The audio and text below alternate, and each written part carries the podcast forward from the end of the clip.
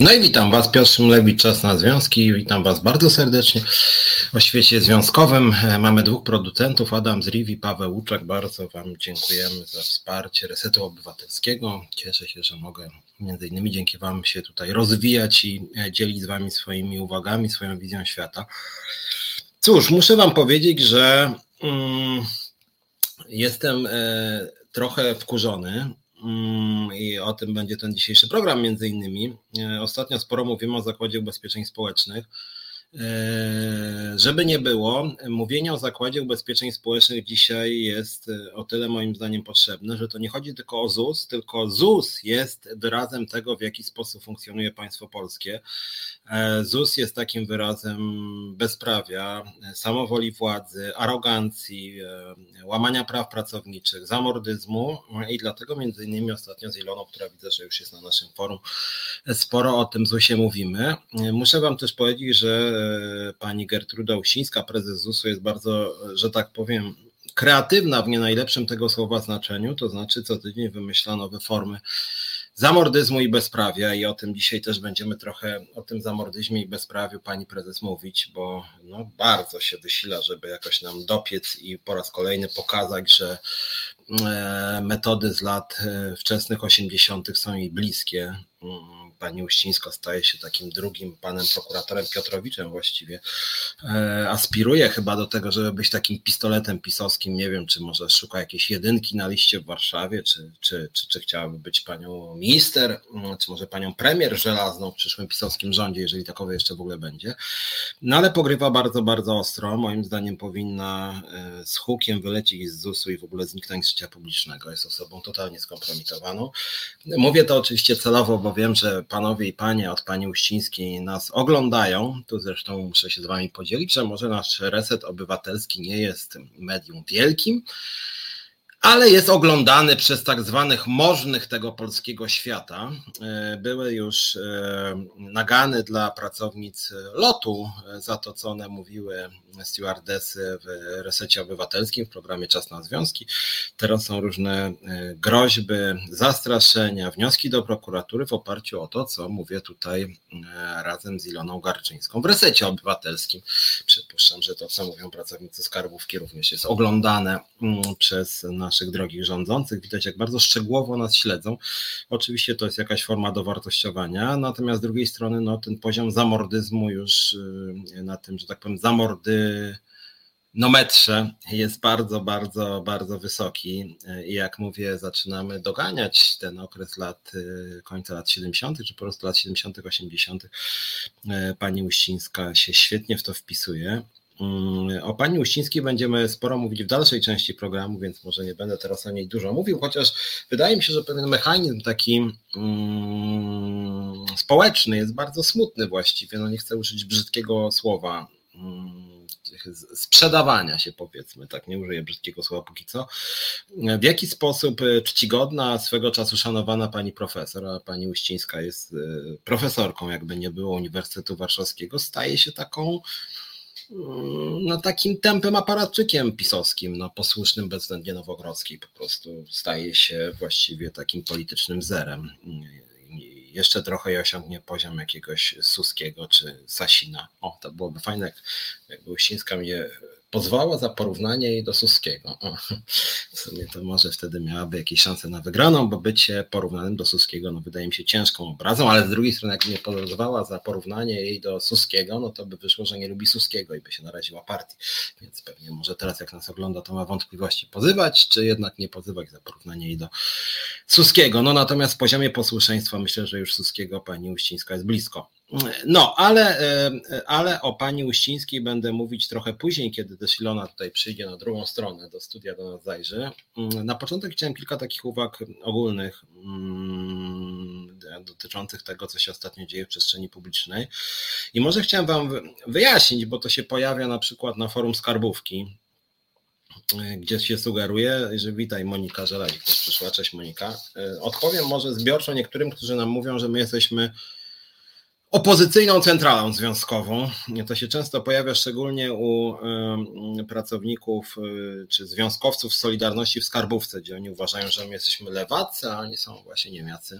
mm, no bardzo prorządowi niewątpliwie, no ale tam się wrzucają jakieś sierpy i młoty, że, że, że szkalujemy papieża, nie? że w ogóle jesteśmy lewacy i jacyś tacy wywrotowi. Więc powiem tak, wydaje mi się, że biorąc pod uwagę to, co się dzieje w kraju, mm, dzisiaj, e, jak się tym bardziej pracuje w budżetówce, mm, to krytyka władzy i to taka hardkorowa, ostra krytyka władzy jest kwestią jakiejś takiej elementarnej przyzwoitości po prostu. E, I ci ludzie z Solidarności czy z OPZZ-u są po prostu nieprzyzwoici, że tej władzy nie krytykują. E, wydaje mi się też, że dzisiaj raczej polityczna jest ta centrala, która się władzy podlizuje, a nie ta, która władzę krytykuje, bo związki zawodowe to w ogóle mi się wydaje, że to są takie podmioty, takie organizacje, których naturalną częścią jest krytyka władzy. To są organizacje, które czegoś więcej chcą niż jest, które są jakoś niezadowolone. Po to są, żeby walczyć więcej. Tak jak byłoby wspaniale, to po co by byśmy mieli działać, nie? My działamy dlatego, że uważamy, że warunki pracy są kiepskie w polskich przedsiębiorstwach i tych zagranicznych też, ale w szczególności działamy w sferze budżetowej. Tam jest po prostu ostatnio beznadziejnie. I poziom arogancji władzy, poziom pogardy wobec pracowników, yy, podejście do związków zawodowych, które są od władzy niezależne, słuchajcie, no to woła pomstę. Ja wam muszę powiedzieć, że jak słucham czasem też polityków opozycji, to ja muszę powiedzieć, że to ja chyba jestem najbardziej rzeczywiście totalną opozycją, bo ja tej władzy rzeczywiście totalnie nie akceptuję. Totalnie jej nie akceptuję. I nie akceptuję nie dlatego, żebym popierał jakiegoś Tuska, Czarzastego czy innego, bo ja ich specjalnie wszystkich nie lubię. No taki już mam, że ta opozycja też mnie nie zachwyca. Tylko po prostu ja nie akceptuję tej władzy, która rządzi w sposób fatalny, która jest potwornie arogancka i antypracownicza i my generalnie specjalnie tego nie ukrywamy jako związek że my byśmy chcieli tą władzę przegnać po prostu. Mm, I żeby było jasne, nie chodzi o to, żeby przegnać władzę pisowską po to, żeby dać zielone światło dla władzy na przykład peowskiej, tylko przegnać władzę pisowską, żeby każda kolejna władza y, się bała, że jak będzie się zachowywała tak jak PiS, to ją też przegnamy. Taki jest pomysł. E, I uważam, że mamy bardzo silne argumenty merytoryczne, że tak powiem, a nie polityczne, dlaczego tą władzę należy przegnać. O tym jest między innymi ten program, w którym pokazujemy, że ta władza rzeczywiście traktuje pracowników sposób no już upokarzający po prostu, tak? To woła pomstę do nieba, co oni, e, co oni wyprawiają. Mm, no, zgadzam się z Piotrem Strychalskim, który pisze, że związki zawodowe generalnie są opozycyjne wobec dającego zatrudnienie dowolnego, inaczej to nie związki zawodowe, a przydupasy. Użyłeś takiego relatywnie mocnego sformułowania przy dupasy. No właśnie, no, myślę, że OPZZ i Solidarność to są dzisiaj właśnie e, przy dupasy, ale mówię o tym e, e, fatalnym traktowaniu pracowników budżetówki w oparciu o to, co się dzieje, a dzieje się to, że mamy news właściwie z wczoraj. Mm, mianowicie wyszła pani Rzeczkowska, taka pani, która jest obecnie ministrem czy ministrą finansów, wcześniej była szefową, szefem formalnie rzecz ujmując Krajowej Administracji Skarbowej. Pani Rzeczkowska zasłynęła z tego, że mm, osobistą interwencją zablokowała mm, podwyżkę płac dla pracowników skarbówki, taką podwyżkę wynikającą z czegoś, co się nazywa uchwałą modernizacyjną. Tam był jej podpis, e, żeby właśnie tej podwyżki nie było po prostu, żeby jej ludziom wydawałoby się e, wydawałoby się podnieść trochę wynagrodzenie. W związku z tym pracownicy skarbówki też nadmiernie pani Rzeczkowskiej dzisiaj nie szanują, między innymi za tą decyzję. No ale pani Rzeczkowska postanowiła teraz chyba ubrać się w szaty takie, nie wiem, Thatcher czy Balcerowicza, czy nie wiem kogo, no ale w każdym bądź razie sama teraz mówi o konieczności zamrażania, ochładzania mm, że trzeba jakieś limity wydatków wprowadzać. I mówi to w sytuacji, kiedy sama władza, jak wiemy, ale to warto jednak powtarzać, bo to jest taka miara takiego, takiej arogancji, graniczy, arogancji graniczącej z hamstwem, mm, że władza sobie podniosła kilka miesięcy temu o 60%, 60% dla posłów, senatorów, wiceministrów, Hmm, przypomnę, że pani Rzeczkowska nam groziła pozwem sądowym, bo myśmy powiedzieli, że jako wiceminister jej się świetnie powodzi, wzrosła jej pensja o 60%. Ona powiedziała, że jej nie wzrosło, bo ona się rozlicza jako funkcjonariusz, a nie jako e, taki cywilny wiceminister, no, tylko że być może w takim razie jej nie wzrosło 60%, ale z jakichś powodów, bo ona sama to zasugerowała, czyli prawnik, że ona sobie wybrała to rozliczanie się jako funkcjonariusza, to co to znaczy? To znaczy, że jej się po prostu opłaca w ten sposób rozliczać, na przykład może mieć dużo wyższą emeryturę i o tym już pani minister obecna finansów raczyła no, nie wyjaśnić tak szczegółowo tej sprawy. Warto by nam powiedziała, dlaczego woli być funkcjonariuszem, rozliczać się jako, jako wiceminister, teraz już jako minister pani Rzeczkowska, że, że ona nie chce być cywilnie rozliczana, tylko jako funkcjonariusz. No z jakich przyczyn pani sobie, y, droga pani minister, wybrała taką ścieżkę? Coś tam się pani bardziej opłaca, z tego co wiemy, pani będzie miała dużo wyższą emeryturę po prostu, niż jakby pani się rozliczała jako ten tak zwany zwykły wiceminister. Ale, ale mówiłem o tym, że pani Rzeczkowska już raz naszkodziła pracownikom skarbówki, y, zablokowała realizację uchwały modernizacyjnej, która zakładała niewielkie, ale jednak podwyżki. Wczoraj się od pani minister dowiedzieliśmy się, że mm, płace w budżetówce w 2023 roku mają wzrosnąć o 7,8% i że to jest tyle, ile rząd może dać. No i tak zacząłem sobie to liczyć. I pracownicy zaczęli sobie to nasi liczyć. Zrzeszenie w Związkowej Alternatywie. Marta Rutkowska pisze, że to śmiech na sali. Też witaj Marta. Marta jest wice szefową naszego Związku w Skarbówce. No i też żeśmy właśnie i ze Skarbówką, i z USem, i z pracownikami cywilnymi policji rozmawialiśmy mm, i wyszło mi, to nie jest jakaś skomplikowana matematyka, to jest bym powiedział taka czwarta klasa podstawówki gdzieś, że 7,8 e, w przyszłym roku, 4,4 mm, w tym roku, bo w tym roku 4,4 ogłosili, 4,4 i 7,8, słuchajcie, no to łatwo to wyliczyć, ile to jest 12,2. 12 i 2. Mm, Monika pisze, że wystawili ją jako martwy głos wspierający koleżankę Moskwę. No tak, tylko że to jest martwy głos, który martwym głosem powiedział 7-8, czyli coś ten martwy głos jednak taka funkcjonariuszka powiedziała, być może to był głos jej, że tak powiem, jakoś tam wtłoczony, tam jakiś tam Fogiel jej kazał powiedzieć to, co powiedziała, czy tam jakiś e, Morawiecki, czy inny Kaczyński, no ale to powiedziała, co powiedziała, podpisała się pod tym.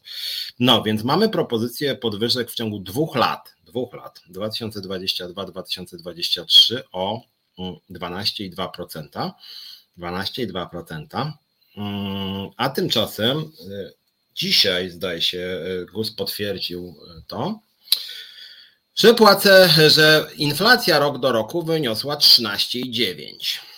W ciągu roku 13,9. No więc jeżeli ktoś e, tak elementarnie zna matematykę, to nawet na palcach jakby można sobie policzyć, że 13,9 jest większe niż 12,2 a inflacja nie będzie raczej ujemna w kolejnych miesiącach, nie będzie spadała, ceny nie będą spadały. Więc jeżeli 13,9 roczne jest większe niż 12,2 na 2 lata, no to się może okazać, że na 2 lata e, poziom inflacji będzie mm, dużo wyższy niż wzrost płac. Czyli krótko mówiąc, że nasza władza proponuje pracownikom budżetówki radykalny spadek realnych wynagrodzeń. Radykalny spadek realnych wynagrodzeń, jeżeli to będzie 12,2 na 2 lata, a wiele wskazuje na to, że mm, w przyszłym roku ta inflacja będzie jeszcze wyższa niż w tym roku, bo niby dlaczego ma być niższa. Wiele wskazuje na to, że będzie wyższa na przykład dlatego, że konflikt w Ukrainie się przedłuża, że cały czas trwa wojna, że Rosjanie zapowiadają, że będzie ta wojna trwała, że ceny energii bardzo szybko rosną, a wraz z cenami energii rosną ceny innych towarów. W związku z tym, moim zdaniem, raczej należałoby szacować, że w ciągu dwóch lat inflacja wyniesie e, coś tak pod 30%, jeśli nie więcej. W związku z tym, jeżeli inflacja wyniesie 30%, a rząd chce podwyższyć w ciągu dwóch lat o 12,2%, mm, no to jakby nie było, jest spadek płac realnych o prawie 20%, czyli strasznie dużo. I propozycja realnej obniżki płac o 20% dla kilkuset tysięcy pracowników budżetówki. Ja przypomnę po raz drugi w tym programie, a generalnie staram się tym o tym mówić bardzo często, że sama władza sobie na wczesnym etapie, że tak powiem, kryzysu i wzrostu cen podniosła o 60%, 60%. Czyli nawet jeżeli ta inflacja będzie e, wysoka, to oni raczej nie stracą, bo 60%, a jeszcze podnieśli sobie biura o 2000, jeszcze sobie na hotele w Warszawie podnieśli tam bodaj do 3,5 tysiąca miesięcznie. No to władza, a jeszcze partie sobie podniosły tam chyba o 20% mniej więcej, że dostaną więcej te partie parlamentarne. No więc posłowie i posłanki i senatorowie się wyżywią i wiceministrowie, tak? 60%, nieźle, nie? Premier i prezydent 40%. Tu Monika pisze, że ten GUS trzeba zlikwidować, denerwuje społeczeństwo i martwią władzunie. No właśnie, aczkolwiek jakby GUS zlikwidować, to, e, to część ludzi, czasem to są teorie spiskowe, a czasem to wynika po prostu z koszyka dóbr. Część ludzi twierdzi, że ta inflacja jest jeszcze wyższa niż 20%, w związku z tym momentami to GUS wręcz ma taki wpływ uspokajający. Mówi, że spokojnie, spokojnie, nie 25, tylko 13,9 mówi GUS, nie? Więc GUS wręcz uspokaja. Eee, sam Morawiecki tu Gitar Jam Session pisze, że nie wiedział jaka będzie inflacja. No tak, nie wiedział, ale może przewidzieć, e, że, że na podstawie tego, co się dzieje, na przykład jaka mniej więcej będzie. Możemy się domyślać, że nie będzie niższa. W związku z tym jakby władza chciała uczciwie pogrywać z budżetówką, to by powiedział, no dobra, schrzaniliśmy z tym 4,4, to był wstyd totalny, kompromitacja naszego rządu, tu ktoś powinien stracić stołek. Natomiast w związku z tym, że nie jest 4,4, yy, czy przepraszam, 3,3 oni oszacowali inflację i to jest w budżecie cały czas wpisane. 3,3 jest w budżecie, tak? 3,3 w budżecie, yy, a 4,4 yy, podwyżka funduszu płac w budżetówce. To jest napisane w budżecie Prawa i Sprawiedliwości na ten rok. 3,3 inflacja, powtarzam, 4,4 podwyżka funduszu płac w budżetówce. No więc jeżeli ktoś przyjmuje tak kretyńskie założenia, kompletnie nierealistyczne, jeszcze nie chce ich zmienić, nie wiadomo dlaczego, czy może wiadomo dlaczego, no nie chce wydawać więcej pieniędzy, bo zadłuży już kraj, no to może przynajmniej by w przyszłym roku zaproponował coś bardziej atrakcyjnego, że tak powiem. Mm, no ale nic takiego nie proponują. Zaproponowali 7,8% ustami pani Rzeczkowskiej. Mm, I to rzeczywiście wkurza. I teraz a propos tego wkurzenia chciałem dwa słowa, zanim tutaj wejdzie za 15-20 minut Ilona Garczyńska. Mm, ostatnio też z Moniką obecną tutaj na mm, naszym forum Lazik i też z pracownikami, związkowcami skarbówki. Tak myślimy, jaki jest sens, słuchajcie, nie to, żebym zaraz miał zacząć jakoś bardzo przeklinać, ale jaki jest sens tą władzą rozmawiać kulturalnie? Tak? bo my się silimy na argumenty i mówimy tutaj, no ja nieźle myślę, że piszę, no nie chcę być jakiś nieskromny, ale piszę dosyć szybko i myślę, że sprawnie. No i piszę te pisma do premiera, na przykład, szanowny panie premierze, nam nie wiem, i wydaje wskaźniki, że w ostatnich latach zamrożone płace w budżetówce, e, ludzie ciężko pracują, nie, i dostają nowe obowiązki, wymieniam te obowiązki, piszę ustawę o służbie cywilnej i w międzyczasie jako lider związkowy mm, uczę się w przeciwieństwie do naszego prezydenta i faktycznie poznaję te kolejne ustawy i poznaję te ustawy, żeby je wykorzystać w argumentacji. Przekonuję pana premiera, panie premierze, tutaj w służbie cywilnej na przykład skarbówka nie dostaje e, za nadgodziny żadnych dodatkowych środków i patrzę, że w tym ZUS-ie, słucham pracowników, mówię, panie premierze, w tym ZUS-ie to tak ludzie ciężko pracują i dostają nowe obowiązki, na przykład 500 plus i mu tłumaczę, że to pani Uścińska trochę bredzi, że jak mówi, że 50% ogarnie program Rodzina 500, że sam pan chyba widzi, panie premierze, że to chyba jest niesłuszne, może jednak nie. Mm, no i tak piszę, i tak się produkuje, się rozwijam i używam moim zdaniem dobrych argumentów. E, po czym właściwie słyszymy od tej władzy, weź pan spadaj, nie? I to jest taka odpowiedź uniwersalna. Albo, e, oczywiście nie tymi słowami, rząd lubi używać sformułowań typu, na przykład piszemy do premiera, a w imieniu premiera odpowiada pani Kowalska, mm, która właśnie przesłała pismo pani Malinowskiej. Pani Malinowska do pana e, Kowalczuka, a Kowalczuk informuje, że właśnie przesłał pismo do mm, odpowiedzialnej pani minister na przykład rodziny i że poczekamy na jej odpowiedź. Nie? I to jest cała jakby obieg papierów, żadnej odpowiedzi merytorycznej nie ma.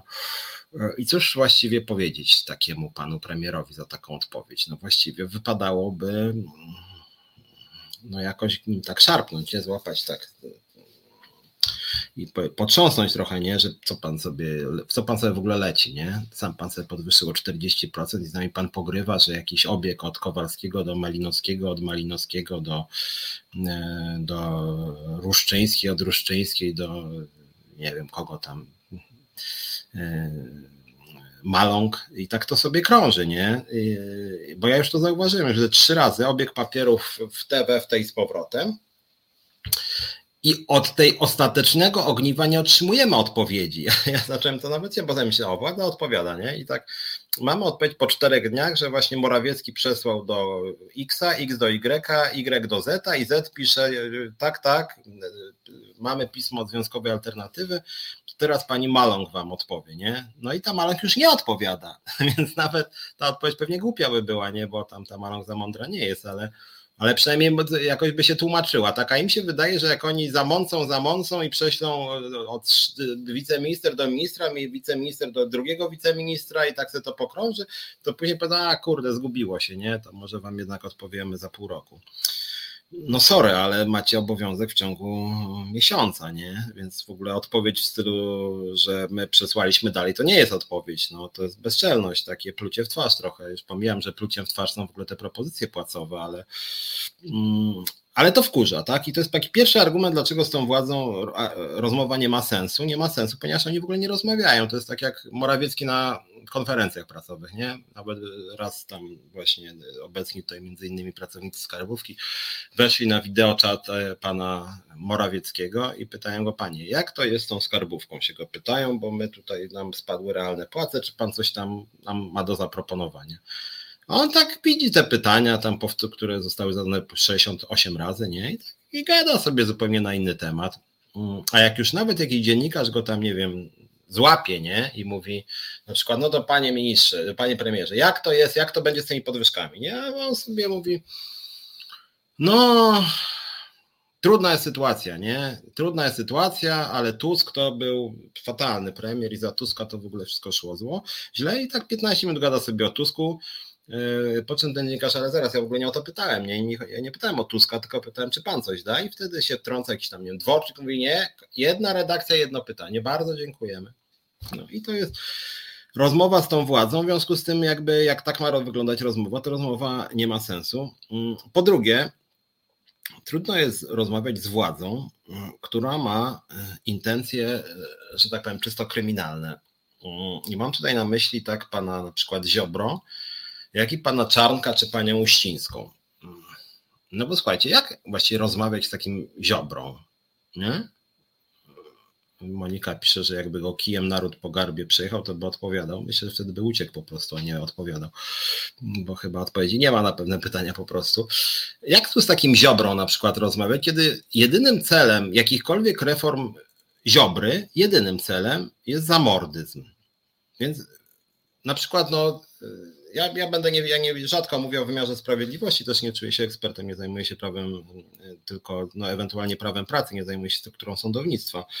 No niemniej jednak my jako związkowcy i związkowczynie e, mamy e, taki interes, że tak powiem, żeby na przykład procesy sądowe były szybsze, bo w sądzie pracy, na przykład teraz Ilona Garczyńska zwolniona dyscyplinarnie, nasza liderka, mm, no musi iść do sądu w sprawie przywrócenia jej do pracy. Ten proces prawie na pewno wygra, ale to może potrwać 2,5 roku. I co pan Ziobro zrobił, żeby to nie trwało 2,5 e, roku? Otóż pan Ziobro wydłużył jeszcze znacząco, znacząco wydłużył czas e, procesów. Natomiast to, co on robi z wymiarem sprawiedliwości, to jest to, żeby sędziów dotychczasowych zastąpili sędziowie, którzy są jego kolegami i koleżankami. No jak mamy rozmawiać z panem Ziobrą, skoro on ma jedyny taki cel, żeby właśnie obsadzić swoimi ludźmi po prostu wymiar sądownictwa, tak jak obsadził już prokuraturę, nie? Yy, mogę mnóstwo tam przypadków, jak pamiętacie, może nawet w mojej sprawie z OPZZ-em nagle śledztwo zostało umorzone, bo zajęło się śledztwem Mm, koleżanka pana Ziobry, namaszczona przez niego, która też umarzała sprawę kopertowych wyborów, więc od zadań specjalnych pani, która tam w tydzień załatwia wszystkie sprawy, sprawa umorzona, nie? Pięć dni. Wcześniej tam, nie wiem, dwa miesiące przesłuchań, już blisko stawienia zarzutów i nagle przychodzi pani od Ziobry mówi pyk, koniec, śledztwa, koniec postępowania. No i taki jest cel pana Ziobry, tak, żeby po prostu nie liczy się tam czas, czas trwania, transparentność systemu sprawiedliwości, e, ściganie przestępców, tylko liczy się to, żeby tam obsadzić swoimi.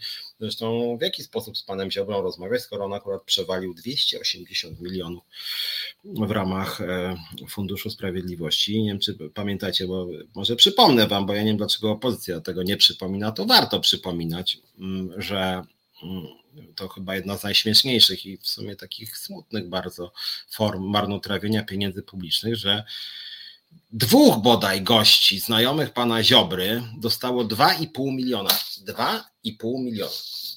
2,5 miliona złotych, tak? Tych zer jest 6, czyli 2, piątka, 5 zer, nie?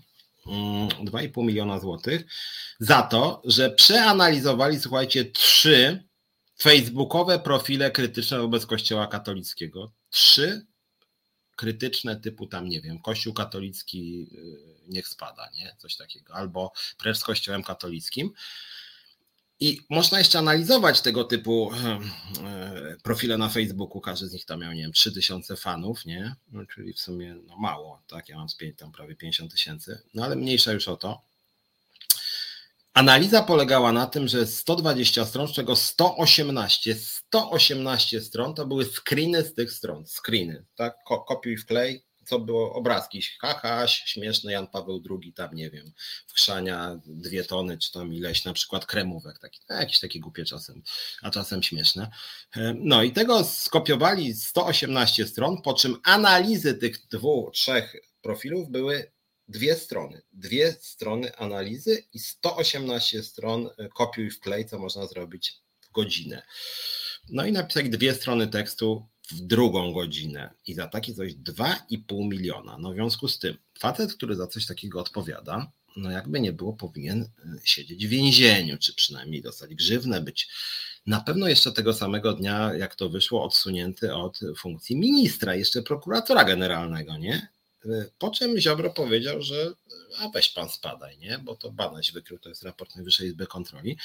Ziobro wcale nie zaprzeczył, że takie coś miało miejsce, tylko powiedział spadaj pan, nie? Po prostu spadaj pan. I w ogóle nie ma o czym gadać. I później, nie wiem, Fogla pytają pana tak z PiSu, rzecznika, i co pan na to, że Ziobro przewalił nawet w ten jeden przykład 2,5 miliona? No, spadaj pan, nie masz pan ciekawszych rzeczy na głowie, tak? Morawiecki, a co pan na to? A Morawiecki, że, że Tusk jest zły, nie? No, można, można. 2,5 miliona w plecy państwo polskie straciło. Prokurator generalny właściwie popełnił w ten sposób przestępstwo. W momencie, kiedy ja bym, nie wiem, kto, ktokolwiek z was by ukradł w sklepie 2 kilo szynki, no to by policja przyjechała i by, miałby, byłby problem, nie? A ten sobie 2,5 miliona, łącznie 280 milionów i problemu nie ma, prawda? No i to jakby z takimi ludźmi trudno jest rozmawiać, albo drugi przykład pana Czarnka. Jak rozmawiać z Czarnkiem? Bo ja muszę powiedzieć, że ja nie rozumiem, jak czasem związkowcy, również, nie wiem, ZNP na przykład, mówią, dzisiaj umówiliśmy się na spotkanie z Czarnkiem, nie? I ja tak sobie myślę, znaczy jak można z takim, przepraszam, Bęcwałem rozmawiać? Znaczy to jest naprawdę człowiek, którego kwalifikacje intelektualne hmm, ja nie mówię, że chodzi mi o to, że on jest prawicowy, konserwatywny, bo e, ludzie e, różne mają poglądy i również z pisem są związani ludzie, którzy są konserwatywni, ale mogę się z nimi kłócić, nie wiem, jakiś krasnodębski, dajmy na to, nie, jakoś tam, ale Czarnek, nie da się z Czarnkiem merytorycznie rozmawiać, ja nie wiem, czy on wie, że istnieje coś takiego jak Polska Akademia Nauk nawet, bo sprawia wrażenie, jakby chyba nie, czy to jego podręczniki, gdzie on tam głównie chce walczyć tam z kobietami, e, gejami tam i chce promować żołnierzy wyklętych. Jak z takim gościem rozmawiać? Moim zdaniem nie da się, po prostu się nie da. Mm, e, no, natomiast tak przechodząc do tych spraw związkowych, mm, ostatnio była sprawa, do której e, zaraz przejdziemy do kwestii związanych z Iloną, bo ostatnio tak tego nie komentowałem na gorąco. E, była sprawa pani z poczty, że przyszedł minister Cieślak mm, na pocztę i pani mu powiedziała, że słuchajcie, panie ministrze, ta wasza polityka to jest do bani, nie? Tak chyba to mniej więcej wyglądało, a on się wkurzył i powiedział, pani mi tu będzie mówić do bani, to ja zadzwonię do tam szefa poczty, że panią. Halo, słuchaj z dziko, tutaj pani mi pyskuje, że nasza polityka jest do bani, to takie to trzeba zwalniać, nie? No i wtedy Kaczyński zobaczył, że to w Pacanowie się wszystko działa, w Pacanowie, e, a w Pacanowie PiS wygrał wybory. No i wyszło, mm, wyszło, że Kaczyńskiemu, że może to aż tak się wizerunkowo nie opłaca. Mm, cała opozycja też powiedziała, że to w ogóle skandal jest. No i Kaczyński powiedział dekretem cara, pana Cieślaka kasujemy. Może niech on sam się poda do dymisji. No i Cieślak powiedział, kurde, jak tak pan prezes powiedział, to ja się podam do dymisji. No i niektórzy mówili, o kurde, ten Kaczyński to ma jaja, nie? I niektórzy wręcz go dowartościowali. Yy, ale, ale no właśnie, takich spraw jak z panią z poczty są właściwie setki setki. I właściwie dużo ostrzejszą, mocniejszą sprawą niż pani z poczty jest sprawa obecnej tu na naszym forum i zaraz będzie w studiu Ilony Garczyńskiej, która została wyrzucona z pracy dyscyplinarnie, a tamta pani z poczty nie została wyrzucona, tylko e, tak myślano, żeby może ją wyrzucić, a może nie, a Ilonę po prostu wyrzucono z pracy. I to nie za to, że jak była w pracy, to tam pyskowała jakiemuś ministrowi, tylko po prostu Ilona wykonywała swoje związkowe obowiązki, to znaczy żądała od pracodawcy mm, wyższych pensji i krytykowała pracodawcę za to, że źle traktuje pracowników i została coś takiego zwolniona dyscyplinarnie. Więc jeżeli pan jakiś dworczyk czy inny, bo Kaczyński wątpię, ale jakiś tam dworczyk czy ktoś tam ze służb nas ogląda, to słuchajcie, no jeżeli chcecie na, na serio chcecie z jakimiś tam patologiami e, e, walczyć, no to generalnie wypadałoby wyrzucić panią Uścińską w trybie natychmiastowym z ZUS-u, e, bo ona jest kompromitująca, jeśli chodzi o taką samowolę władzy mm, i oczywiście przywrócić Ilonę Garczyńską do pracy, jeżeli mamy się wzorować na tym przykładzie z poczty, bo pani Uścińska jest jakby znacznie bardziej arogancka niż ten cały cieślak, tak? No bo cały czas nawala w nas, o tym będziemy mówić za 15 minut i to tak nawala w takim totalnie bezczelnym trybie, takim bym powiedział wyjętym z lat 80., tak, to znaczy właściwie delegalizacji związku, karania za strajk, e, zastraszania, prawda, jakiś gruźb, jakiś nasyłania prawników, prokuratury, czego tam jeszcze, więc mi się wydaje, że jak pan Kaczyński chce być konsekwentny, no to yy no to, to wypadało panią Uścińską wyrzucić. Monika Żeleć, jakby pani z poczty była związkowcem, też by wyleciała, tak się straszy ludzi trzyma za twarz. Znaczy właśnie też Monika, bo tak mi się wydaje, że oni jeszcze mogą powiedzieć, o, tutaj ta pani z poczty, która tam coś pysknęła cieślakowi, no to taka jakaś zwykły pracownik, to jego możemy bronić, ale jak byłaby działaczką związkową, czy jeszcze liderką, no to trochę poprześladować można, nie? W sumie, bo bo PiS uważa, że jak ktoś jest niezależnym związkowcem, to można prześladować, bo to w sumie otwarcie przeciwko nim, a, a pani z poczty jakaś przypadkowa, no to, to, to, trudniej tutaj e, wpisać w jakiś taki, że to jest jakaś totalna opozycja czy coś takiego, tak? Bo wiadomo, w Polsce nie można być po prostu działaczem związkowym, który nie lubi władzy. No, więc to, y, to gwoli tej sytuacji, bo sam gest Kaczyńskiego to był gest takiego kapryśnego cara trochę, nie? Że tą, tego wyrzucimy, ale już na przykład panią Uścińską zostawimy, bo ją lubimy, albo pana Sasina, który przewalił miliony, tak? Albo pana Ziobrę, który przewalił dziesiątki milionów, y, albo pana Szumowskiego, który przewalił dziesiątki milionów, albo pana Kaczyńskiego samego, sam pan Kaczyński oczywiście się nie wyrzuci, który też ma różne dziwne e, interesy i z tymi dwoma wieżami na przykład cały czas nie wiadomo, co tam się stało. Nie chcę wyjaśniać wielu rzeczy. Czy pan Morawiecki, który który tyle słyszeliśmy o transparentności, a my nawet wciąż nie wiemy, jakie on obligacje wziął, bo nie chce udzielić tej informacji, czy jak wcześniej, prawda, sobie y, kasą z żoną robili jakieś dziwne operacje. Y, więc no dużo mamy takich dziwnych historii. Jeszcze, żeby tak y, ostatnie wydarzenia, co się działo, no to nie wiem, czy pewnie już przeoczyliście nawet, bo te ceny to tak szaleją w sumie z tygodnia na tydzień rosną. Pan Glapiński ostatnio znowu podniósł stopy procentowe, znowu o 0,75. I to, co robi Glapiński, to jest taki przykład, jak władza się nie uczy, dlatego że to, co robi Glapiński, to, co robi władza z inflacją, totalnie nie działa. Totalnie nie działa. To znaczy, są dane porównawcze, że Polska ma prawie, prawie w pierwszej trójce, bodaj teraz jesteśmy najwyższy wzrost cen w Unii Europejskiej, więc te tarcze w ogóle nie działają. W ogóle nie działają.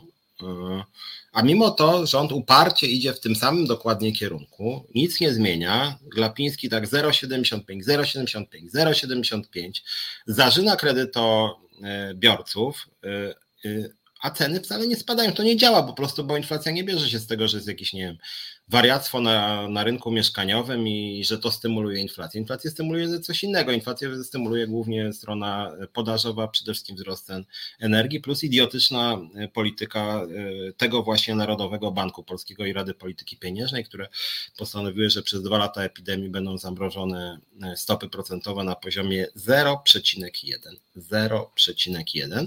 No i również w czasie epidemii rząd się uparł, że właduje w rynek 250 miliardów złotych. 250 250 miliardów złotych i z tych 250 miliardów złotych bardzo dużo zostało na kontach przedsiębiorców, którzy po prostu dostali w prezencie te pieniądze wcale nie przeznaczyli na pracowników, za zachowanie miejsc pracy, nie wiem, tam podniesienie pensji, tylko po prostu trafiło to na ich konta i zrobiła się nadpłynność, przewaga radykalna depozytów nad y, kredytami. No i cóż, więc sam pan Glapiński na spółkę z rządem doprowadził do tej inflacji i cały czas prowadzi taką kretyńską politykę, jakąś zupełnie niezrozumiałą.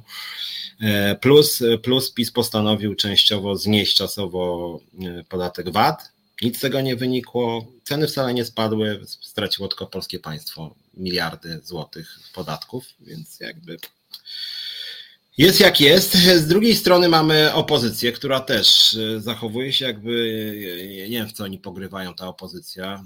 Ciuciu babka jakoś mają takie oczy, pamiętam jak się bawiłem, jak tam miałem 10 lat, nie, że się tak oczy zasłaniało i ta opozycja to się tak bawi, że sama sobie te oczy zasłania i jakby to, nie wiem, ją kręciło, że jak zasłoni oczy, to może wtedy będzie większy sukces, jak coś trafią i ta opozycja zachowuje się jakby, jakby naumyślnie nie wiedziała, co się dzieje i nie chciała mieć jakiejś odważnej diagnozy sytuacji, dlatego jak PiS mówi, że wprowadzi jakieś rozwiązanie, to oni chcą mnożyć przez dwa to rozwiązanie, że na przykład ostatnio PiS mówi, kurczę, no to 500 plus to trochę może już mniej, mm, już trochę mniej jest warte, to partia razem rzuciła, że oni uważają, że najpilniejsze to jest teraz 500 plus podnieść na 700 zł.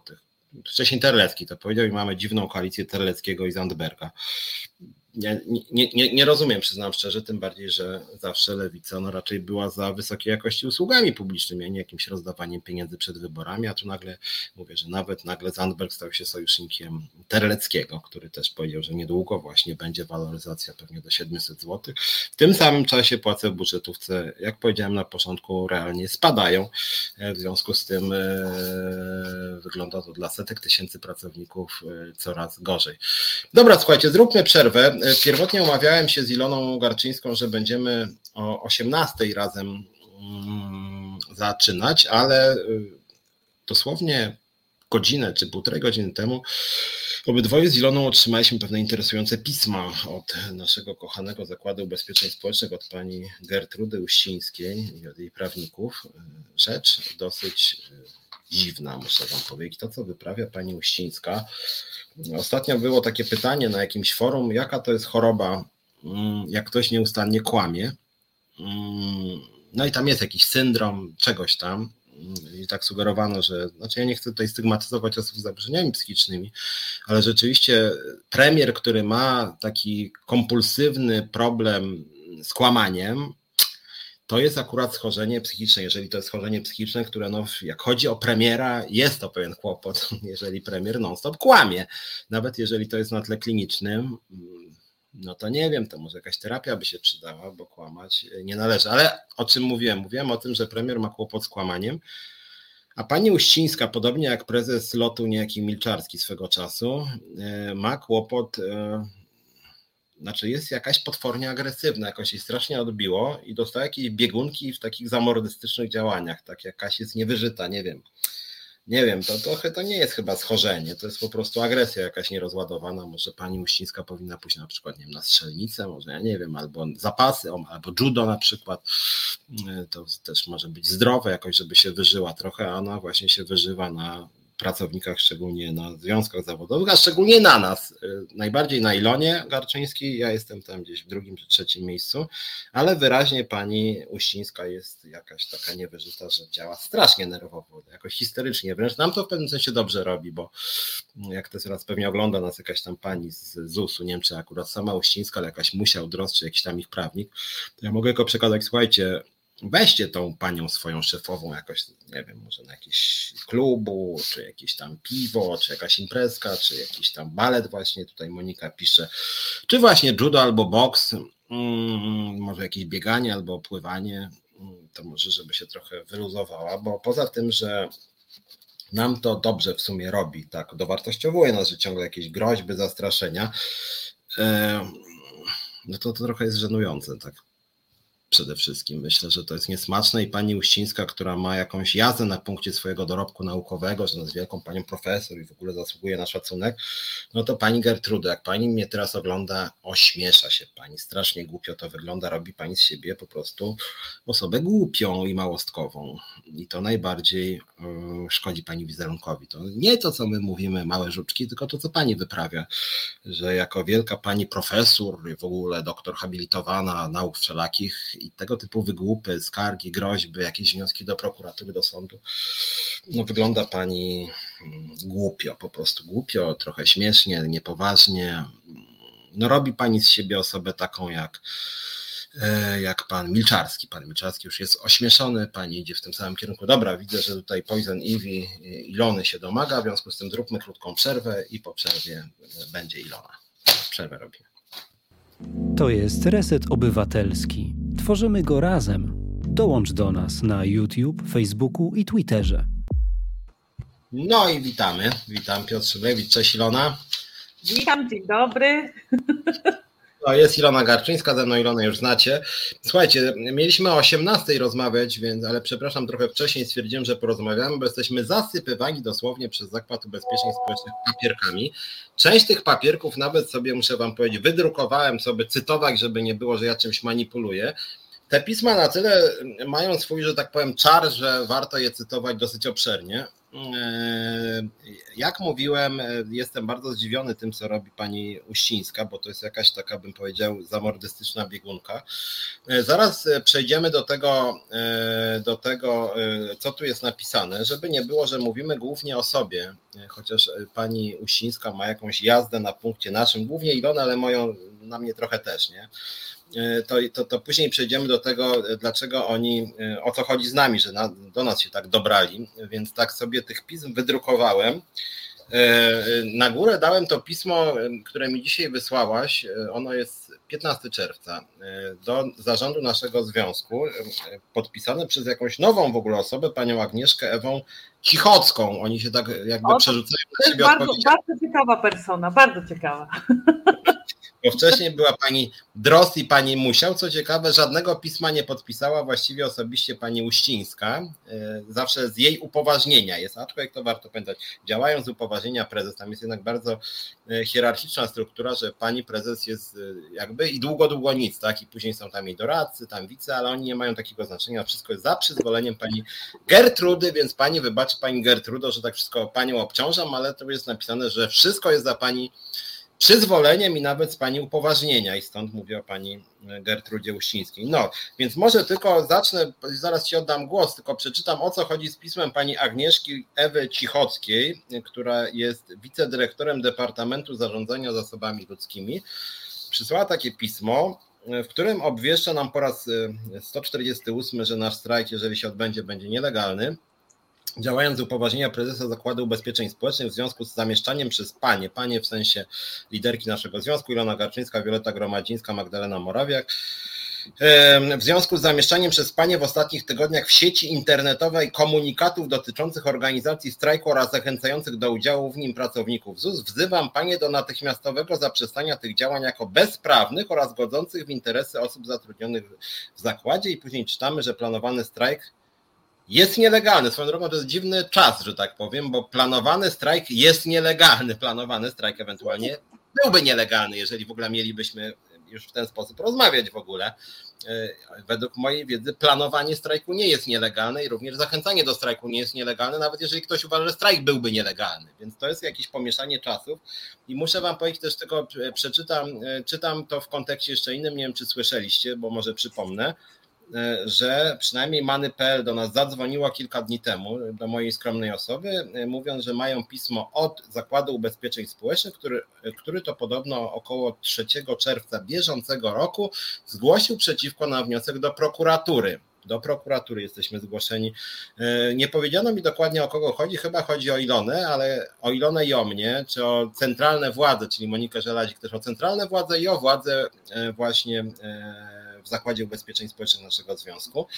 I ja muszę Wam powiedzieć, że cały czas nie wiem, o co chodzi z tym wnioskiem do prokuratury. I cholera, chętnie bym chciał się dowiedzieć, za co oni chcą nas skazać, bo ja już tu nawet umawiam się z kilkoma osobami, żeby mi przynosiły do więzienia arbuza i migdały, bo mam słabość do tych dwóch produktów. Tak na zdrowie mi dobrze robi.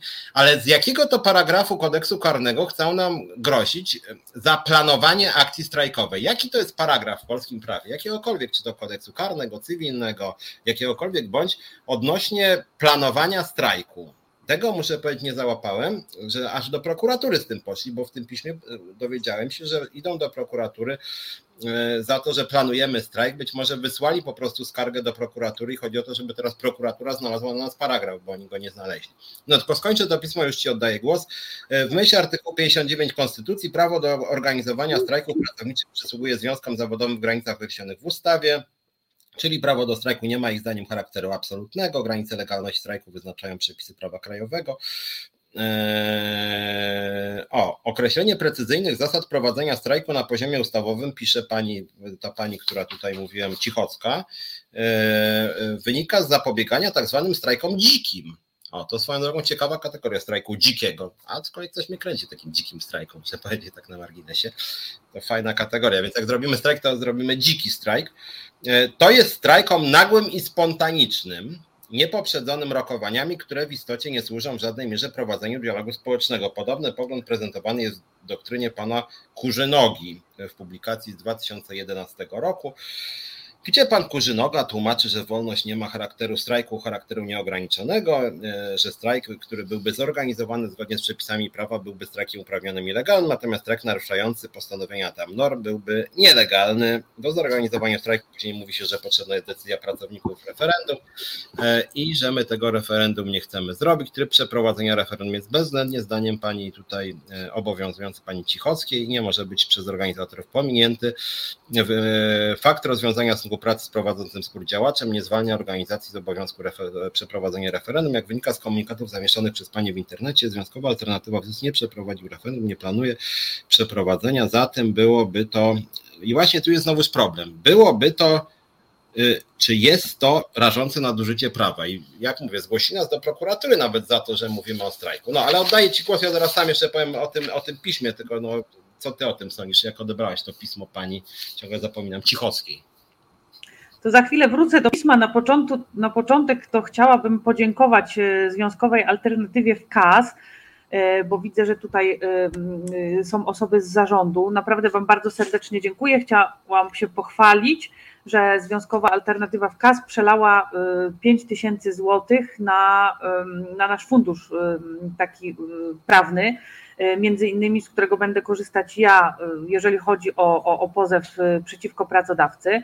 Także bardzo, bardzo serdecznie Wam dziękuję. Kolejną rzeczą jest to, że jedna osoba, konkretnie pan Marek Trzmiel, poprosił mnie o to, żebym zaczęła mm, ten program od oświadczenia, że ja, Ilona Garczyńska, ale nie przeczytam tego, co było tam napisane, bo ja tego nie będę odwoływać, te, czego powiedziałam, bo na wszystko mam potwierdzenie. Mm, to sobie po kolei do wszystkiego e, dojdziemy, także bardzo pozdrawiam pana Marka Trzmiela. E, w piśmie, które przytoczyłeś, bardzo dziwi mnie jedna rzecz. Ja nie rozumiem, dlaczego oni piszą po pierwsze do całego naszego zarządu, a po drugie w liczbie mnogiej bo ja nie widziałam żadnych wpisów pani e, Magdy czy pani Wiolety dotyczących strajku, ani dotyczących, nie wiem, że tak powiem, mm, brzydkich wpisów dotyczących pracodawcy, o których tak pracodawca krzyczy. E, więc nie rozumiem w ogóle tej liczby mnogiej. Jeżeli chcą sobie kogokolwiek zastraszać, to niech sobie zastraszają mnie. E, I, I, konsekwencje ponoszę ja, a, a nie panie, które tak naprawdę nie wiedzą w ogóle o co chodzi. One do mnie dzwonią, one nie wiedzą o co chodzi. Także y, y, naprawdę proszę sobie zanotować, szanowna centralo, jeżeli tutaj siedzicie z ołówkiem i kartką, że w ZUS-ie zarabiamy za mało i jest wszechobecny mobbing. Zanotowali? No to lecimy dalej. W piśmie nie poruszono dwóch najważniejszych kwestii, które poruszono w, y, w moim dyscyplinarnym zwolnieniu. Mianowicie tutaj zakład nie pisze o mobbingu, że, że ja kłamię mówiąc, że jest mobbing, albo że za mało zarabiamy. Czyli rozumiem, że tym pismem potwierdza to, że jest wszechobecny mobbing y, i za, za małe wynagrodzenia, tak? Y, uczepiono się tych 50 milionów które i zakład tak samo nie, który, Boże, 50 milionów do umowy, która została podpisana bez przetargu, chociaż powinna być z przetargiem. I zakład też nie zaprzecza, że ta umowa nie została podpisana, że przetarg się odbył. Czyli potwierdzają to, co ja mówiłam, więc nie rozumiem, z czego ja bym się miała wycofywać. Podobnie jest z kwotą 100 zł, o której również była wspomniana w mojej dyscyplinarce. Mianowicie yy, powiedziałam, że yy, ZUS odrzucił yy, jedno z ofert jednego z przedsiębiorców, między innymi mm, pisząc o tym, że kwota 100 zł, ja zaraz dokładnie zacytuję, kwota 100 zł wycenia swoją mm, może inaczej, od początku. Wykonawca nie uzasadnił zaoferowanej ceny za usługi dodatkowe y, doświadczonego specjalisty za roboczą godzinę wydają się nierealne. I wykonawca wycenia pracę swoich specjalistów na jedyne 100 zł netto, czyli według Zakładu Ubezpieczeń Społecznych 100 zł netto za godzinę dla pracownika, specjalisty to jest rażąco niska cena. I teraz chciałabym to porównać do wynagrodzeń w Zakładzie Ubezpieczeń Społecznych, jak to się ma ta rażąco niska cena do 100 zł netto za roboczą godzinę? Nie, nie, za bardzo rozumiem. Także z tego też się nie wycofuję, proszę sobie zanotować, bo mam na to potwierdzenie. Nie wycofam się z tego, co się zadziało w Bartoszowicach, podlegających pod oddział Olsztyn. Nie zamieciemy tej sprawy pod dywan. Także wszelkie takie straszaki, które wysyłacie do mnie, y, że y, strajk jest nielegalny, że pozwiecie mnie do sądu, proszę bardzo, idźmy do sądu, będziemy się tam spotykać i tam wszystkie dane będziecie musieli podać przed sądem. Wezwiemy sobie świadków, nie skończy się na kilku. Poczekaj, mogę Ci na chwilę przerwać, tylko bo chciałem jedną rzecz, żeby uporządkować, bo tak, mamy mhm. dzisiaj tych pism pięć chyba, y, więc żeby uporządkować, to pismo, które ja przytoczyłem, y, y, w nim jest głównie o strajku, nie? Także on jest nielegalny i to rzeczywiście się powtarza i wcześniej była już, były już różne groźby pod naszym adresem, w tym pismo do prokuratury w tej sprawie. Ja już nie chcę się powtarzać, tylko wydaje mi się, że to jest tak. Mówiłem o tym w programie piątkowym z Krzyżaniakiem. To jest trochę tak, jakby, jakby banda chuliganów nas, nas biła, tylko że wtedy użyłem jakby większego porównania, bym to zaostrzył jeszcze, co wtedy mówiłem, więc może powtórzę. Ja to, ja to widzę, tą naszą relację z ZUS-em w ten sposób, że banda chuliganów cię bije po twarzy, kopie tam, wali w brzuch, i obok stoi policja e, i w pewnym momencie oni cię przestają kopać, e, a ty mówisz e, spierdalajcie, nie? I wtedy, i, i, i wtedy kopiący mówią, o, nawet nie policja, kopiący mówią, o, władzo, widzicie, przekleła w miejscu publicznym, należy się 300 zł, nie? I ci kopiący, jak ktoś nie zrozumiał, ci kopiący to jest ZUS. E, który bez przerwy łamie prawo i w momencie, kiedy, kiedy my mówimy zaraz, zaraz, jak wy bez przerwy łamiecie prawo, to jak my mamy zrobić referendum strajkowe, nie? To oni wtedy mówią, łamie się prawo, nie będzie referendum strajkowego, nie? Więc chciałem tylko, żeby zamknąć ten pierwszy list, zaraz ci oddam głos tych, tych, tych twoich, bo tam myślę, że mamy taką sytuację, ja tylko przypomnę, bo, bo żebym jeszcze jednego newsa wprowadził dotyczącego mnie, to tydzień temu dostałem pismo przedsądowe od pani Gertrudy Ościńskiej osobiście, osobiście uraziłem ją nie w jej bycie prezesem ZUS-u, tylko w jej profesorskości. Uraziłem jej profesorskość uścińską. E, to znaczy uraziłem ją jako naukowca, że tak powiem, bo napisałem do Rady Naukowej Uniwersytetu Warszawskiego, że pani Uścińska e, postępuje nieetycznie, sprzeczne z kodeksem etycznym uniwersytetu, jest coś takiego, gdzie się mówi między innymi o tym, jak ma się zachowywać e, profesor w społeczeństwie, to się tam mówi, na zewnątrz, krótko mówiąc, a pani Uścińska jako prezes ZUS-u, między innymi tam jest takie nawet pismo naukowe w ZUS-ie, w związku z tym pani Uścińska również startowała na funkcję prezesa ZUS-u jako naukowiec. E, I teraz ja w tym piśmie do tych profesorów napisałem, że pani Uścińska moim zdaniem co, co najmniej trzykrotnie złamała prawo pracy ciężko, co najmniej trzykrotnie ciężko. E, w tym po pierwsze e, nie uznała sporu zbiorowego i tu jak, jak oglądałaś, bo na początku to ja mówiłem o Ziobrze, nie? To jest tak, że myśmy, myśmy, myśmy zażądali podwyżki płac o 60%, a pani Uścińska powiedziała, nie będę z wami o tym gadać, nie? A my, ale jak pani może nie gadać, skoro w ustawie, że pani musi gadać, bo tak jest literalnie, że na tle zbiorowe interesy musi pani gadać, nie? Uścińska, nie, spadaj pan, panie Szumlewicz, pani, pani Garczyńska, weź, weźmy, zostaw pani spokojnie, nie będzie żadnych rozmów o 60%, ale jak to nie będzie, skoro ma być, no, bo to jest w ustawie, po prostu, jak pani może łamać prawo, nie? Ona, bo tak chce, a my kurde, jak to pani tak chce, nie?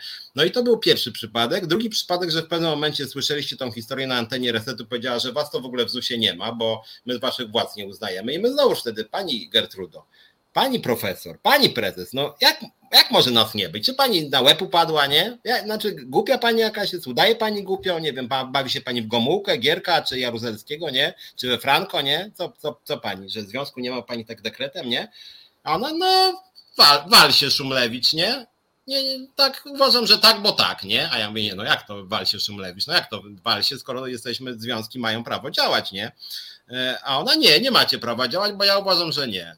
No i to był drugi przypadek literalnego złamania prawa, bo ona nie ma prawa nam wybierać władz. No i wreszcie trzecie, to jest zwolnienie dyscyplinarne właśnie obecnej tu Ilony, kiedy myśmy też powiedzieli, zaraz, sorry, ale jest zapisane, że, że pani nie może tak sobie zwolnić liderki związkowej. Ona, ale mogę. A ja mówię, a jak to pani może, jak pani nie może, literalnie z prawem, nie? A ona, mogę, bo tak chcę. No to my, kurde, pani Gertrudo, no może pani jest czcigodną profesor, ale pani jakąś głupią zgrywa, nie może pani, po prostu nie, nie, bo nie, bo jest takie prawo, nie? Właśnie, że mogę, bo chcę.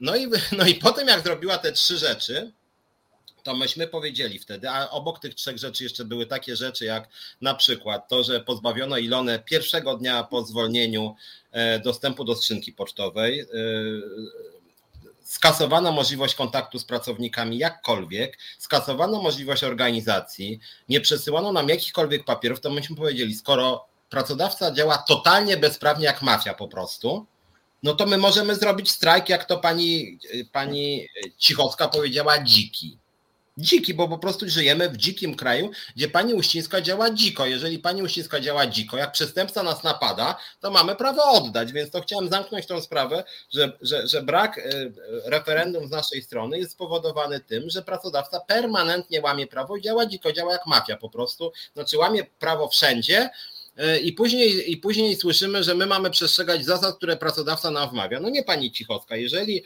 jeżeli wy wyrzucacie nam liderkę, nie uznajecie sporu zbiorowego, bo wam się nie chce, e, plus nas delegalizujecie, bo tak wam się podoba, no to sorry, no to wy zaczęliście łamać prawa, a nie my. I wydaje nam się, że tu zamykając tą sprawę, to to jest bezprawie. A druga sprawa, e, tylko wprowadzę w ten temat, który ty zaczęłaś mówić, ponieważ to, dzisiaj... Poczekaj, zanim wprowadzisz temat, to chciałabym się tu odnieść do e, komentarza pana Artura Z, który twierdzi, że to on nam wypłaca wynagrodzenie, że jesteśmy darmozjadami, więc tutaj może wykorzystując okazję chciałam panu podziękować bardzo za to, że między innymi pan zapłaci za to, że zostałam zwolniona dyscyplinarnie no i liczę na to, że sprawa naprawdę będzie trwała dłużej niż 2-3 lata, ponieważ za te wszystkie lata, między innymi dzięki panu, ZUS wypłaci mi zaległe wynagrodzenie z odsetkami, no i ewentualne odszkodowanie. Także bardzo, bardzo panu dziękuję. Proszę, y, proszę robić wszystko, aby ta sprawa potrwała jak najdłużej. I właśnie, i tutaj dochodzi rzecz, którą też Monika Żelalik obecna na naszym forum przeżyła, że tak powiem, swego czasu, że, y, że, że różne sprawy sądowe związane i z Moniką, i ze mną, bo pan Miczalski mnie też pozwał, E, że to płacą, nie pan Milczarski płacił, czy teraz pani Uścińska, tylko że te groźby, e, to jest wszystko opłacane, wnioski do prokuratury, wnioski do sądu, to płaci ZUS, czyli wy, drodzy podatnicy. Jeżeli tutaj są ludzie, którzy bronią teraz pan Artur, który jakoś tam nas krytykuje. Panie Arturze, jak pan nie chce płacić, to niech pan zaatakuje panią Uścińską, że okrada pana po prostu, bo przeznacza pieniądze ZUS-u na, na pozwy sądowe przeciwko związkowcom ze spraw, które sama rozkręciła de facto. W związku z tym, jeżeli ona by ze swoich prywatnych pieniędzy e, na przykład tutaj pozywała nas, to, to, to jeszcze, chociaż to też moim zdaniem jest kompromitowanie wizerunku ZUS-u. E, no ale z tego co widzę, wniosek, e, wniosek, e, groźba pozwu przeciwko Ilonie i przeciwko mnie, o czym za chwilę, jest według mojej wiedzy z pieniędzy, z pieniędzy ZUS-u. No i właśnie, teraz a propos, co zaczęłaś już odpowiadać, to mam przed sobą pismo, które się nazywa Wezwanie do zaprzestania naruszania dóbr osobistych i usunięcia skutków naruszenia do pani Ilony Garczyńskiej. No i czytamy, działając w imieniu i na rzecz zakładu Ubezpieczeń Społecznych, a nie działając na rzecz pani Gertrudy Uścińskiej, w oparciu o udzielone mi pełnomocnictwo w związku z umieszczanymi przez panią w przestrzeni publicznej bla bla bla wypowiedzi, wzywam panią do zaniechania działań naruszających dobro osobiste Zakładu Ubezpieczeń Społecznych, usunięcia skutków i tu trzy dni nam się daje.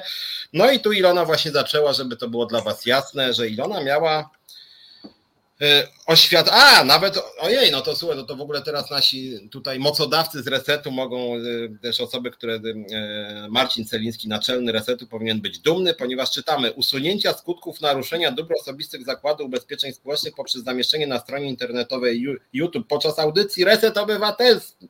Na początku tej audycji oraz w portalu społecznościowym Facebook w ramach grupy pracowników zakładu oświadczenia odwołującego postawione zakładowi ubezpieczeń społecznych zarzuty. I tam mają być przeprosiny, że ja Garczyńska odwołuje wcześniejsze wypowiedzi dotyczące rzekomych nieprawidłowości w wydatkowaniu przez zakład 50 milionów, wypowiedzi zawierające informacje o krzywdzących pracowników, działaniach pracodawcy, wypowiedziach zastraszających pracowników w przypadku przegrania strajku, bla, bla, bla, oświadczeń, że te wypowiedzi były nieprawdziwe. No, to rzeczywiście dowartościowują naszą audycję, więc teraz o, najwyraźniej przepraszam, bo jest już 18.04, miało być na początku, to już się godzinę spóźniłam. No to już prze, prze, prze, przewalone, a ja jeszcze powiedziałem, że, że, że ZUS wobec nas działa jak mafia, w związku z tym macie kolejny materiał, no niestety. No to cóż. Piszcie, piszcie, będziemy się widzieć na sprawach sądowych, na pewno. Bardzo chętnie. Ja to od razu mogę powiedzieć.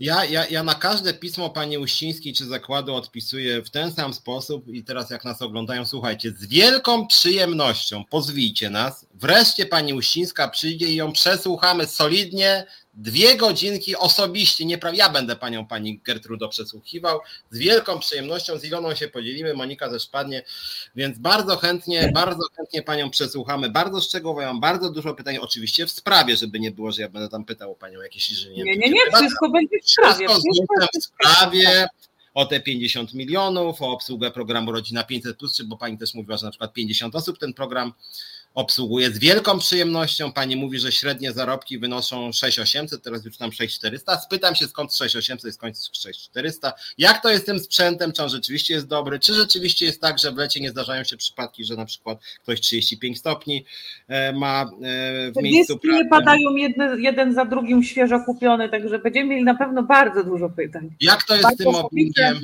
Z wielką przyjemnością zaprosimy, ale wypadałoby też zaprosić pana Morawieckiego, ponieważ ponieważ widzę, że tutaj na pana Morawieckiego się powołują, że, że on nie ma pieniędzy na podwyżki, więc trzeba by pana Morawieckiego, też może pana Kaczyńskiego, Dworczyka.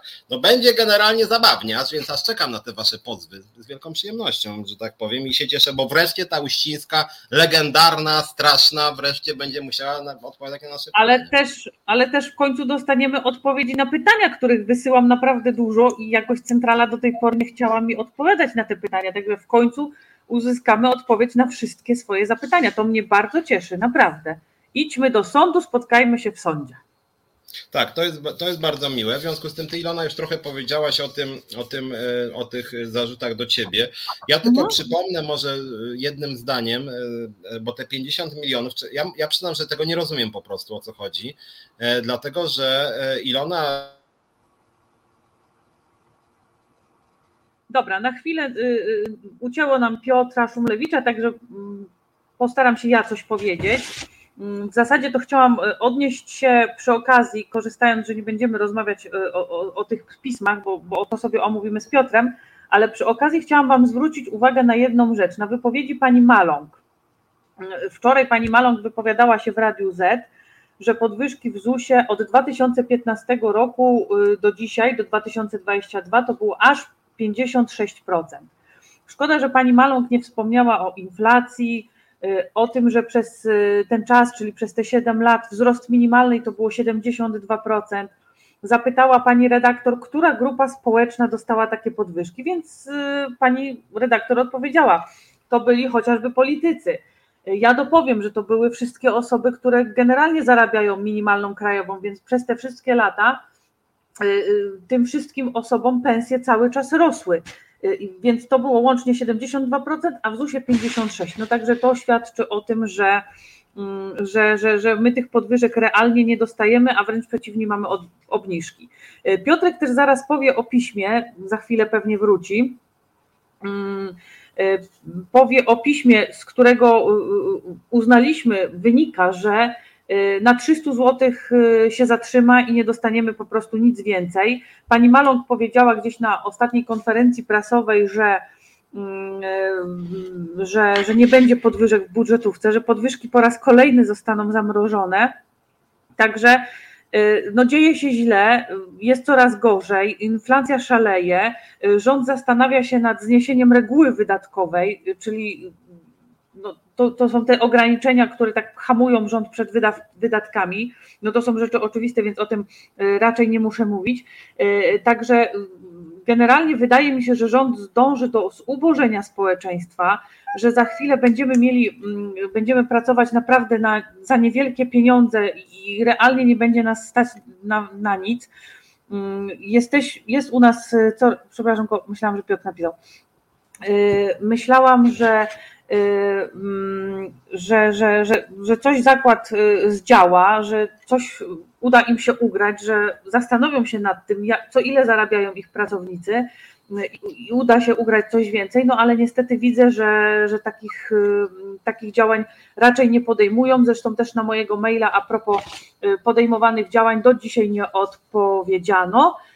Witaj Piotr, ponownie, coś, czy już ok? Zadziałała uścińska, cholera jasna. No. no centrala, no na pewno centrala ale już jestem, tak. Nie, więc kontynuuj. To, to, to e, dobrze, to odczytam tutaj, bo pojawił się mm, mail y, od Departamentu Zarządzania Zasobami Ludzkimi. Uprzejmie informuję, że wielomiesięczne, wielomiesięczne starania pani prezes zarządu na rzecz wzrostu wynagrodzeń dla pracowników tej instytucji przyniosły pozytywny efekt. Dostępna wcześniej kwota na podwyżki średnio 300 zł dzięki obsłudze nowych zadań przez ZUS może zostać znacząco podwyższona. Dodatkowo pozostane środki, które zostaną przeznaczone na wzrost wynagrodzeń, są wyrazem docenienia państwa zaangażowania w realizację nowych zadań. Yy, jednocześnie właściwa organizacja pracy pozwoliła na osiągnięcie dodatkowych oszczędności, które również zostaną przeznaczone na wzrost wynagrodzeń. Na bieżąco będziemy informować. W wielkim skrócie nie ma podanej kwoty. Nacisk ma sens. Tylko zobaczymy, no. jaka to będzie kwota. Jaka to będzie kwota. Znaczy, ale ostro zagrała ta pani, jak ona to Droszczy musiał? Oj, chyba, oj, przepraszam, to jest y, mail z cyklu propaganda, y, tym razem nie piątkowa, tylko jaki dzisiaj dzień? Mamy środę. Propaganda środowa, jak zwykle się nikt nie podpisał. A nikt się nie podpisał, jakby co to, jakby co to będzie, że, że, że, że nie wiadomo. A nie, przepraszam, przepraszam, cofam, przepraszam, proszę zanotować centralo, cofam, co powiedziałam, z wyrazami, z wyrazami szacunku Joanna Drozd. A, trochę, nie. Miał odwagę podpisać. To wysoko, ale słuchajcie, pani Dros napisała, dobrze chyba słyszałem, że znaczące mają być te podwyżki. W związku z tym, jeżeli to będzie 50 zł, no to jakby nie, nie zostałoby dobrze odebrane. Ale słuchajcie, jeżeli rzeczywiście już tak na serio i przez chwilę nie kpiąc sobie z tej ekipy e, gangu Elsena, który zarządza e, Zakładem Ubezpieczeń Społecznych, to jeżeli rzeczywiście oni by podnieśli na przykład z 300 na 700, to ja nie powiem, że my byśmy byli zadowoleni, ale to by świadczyło o tym, że nasze działania faktycznie mają sens i że zaczęli się realnie bać. Ale to też, to też widać po działaniach, jakie podejmują. To są zastraszania pracowników. Nie będę mówić o tym, co się dzieje w Bartoszowicach, ale ja wiem, co się dzieje w Bartoszowicach, także nie musicie grozić pracownikom, żeby się ze mną nie kontaktowali. E, w każdym bądź razie mm, e, e, widmo strajku, to, co się stało w Bartoszowicach, to, że y, mi nie zamkną ust, ust tym, co y, tym, tymi swoimi pismami zastraszającymi, bo ja bardzo chętnie pójdę z wami do sądu, naprawdę. Dowiem się przynajmniej więcej niż mogłam się dowiedzieć jako związek zawodowy y, i, i z maili, które powinniście mi odpowiedzieć w ciągu 30 dni, a w niektórych macie nawet już zaległość 90, także coś jest, coś jest nie tak. Także wydaje mi się, że nacisk ma sens i zobaczymy, co to będą te znaczące podwyżki, bo 50 zł czysto nas nie zadowala. To pamiętajcie. kto wie, może będzie jednak 500. Znaczy ja, my jesteśmy pragmatyczni, jeżeli ZUS rzeczywiście by nagle dał podwyżki 800 zł, to byłoby wciąż za mało, bo przypominam, myśmy byli za 60%, co ZUS nie wiadomo dlaczego uznał za niewspółmierne, przecież posłowie dostali, czy wiceministrowie dla nich było współmierne, no to zawsze 800 byłoby lepsze niż 300, bo wyjściowa propozycja było 300, więc y, gdyby to była kwota znacząco większa, to byłby jakiś nasz sukces. Tak, jeszcze, jeszcze... odniosę się do komentarzy. Tak, Bartoszyce, przepraszam, Bartoszyce. Bartoszyce, mhm, pod Olsztynem, tak. Ja zaraz przejdę do pewnego pisma, które też dzisiaj dostałem merytorycznego, które generalnie rzecz biorąc brzmi bardzo słabo, więc jakby były podwyżki, to byłby rzeczywiście jakiś wynik naszych nacisków. Natomiast muszę Wam powiedzieć, że też dostałem dość zabawne pismo adresowane dzisiaj do mojej skromnej osoby, mianowicie ma ono podobny tytuł jak do Ilony.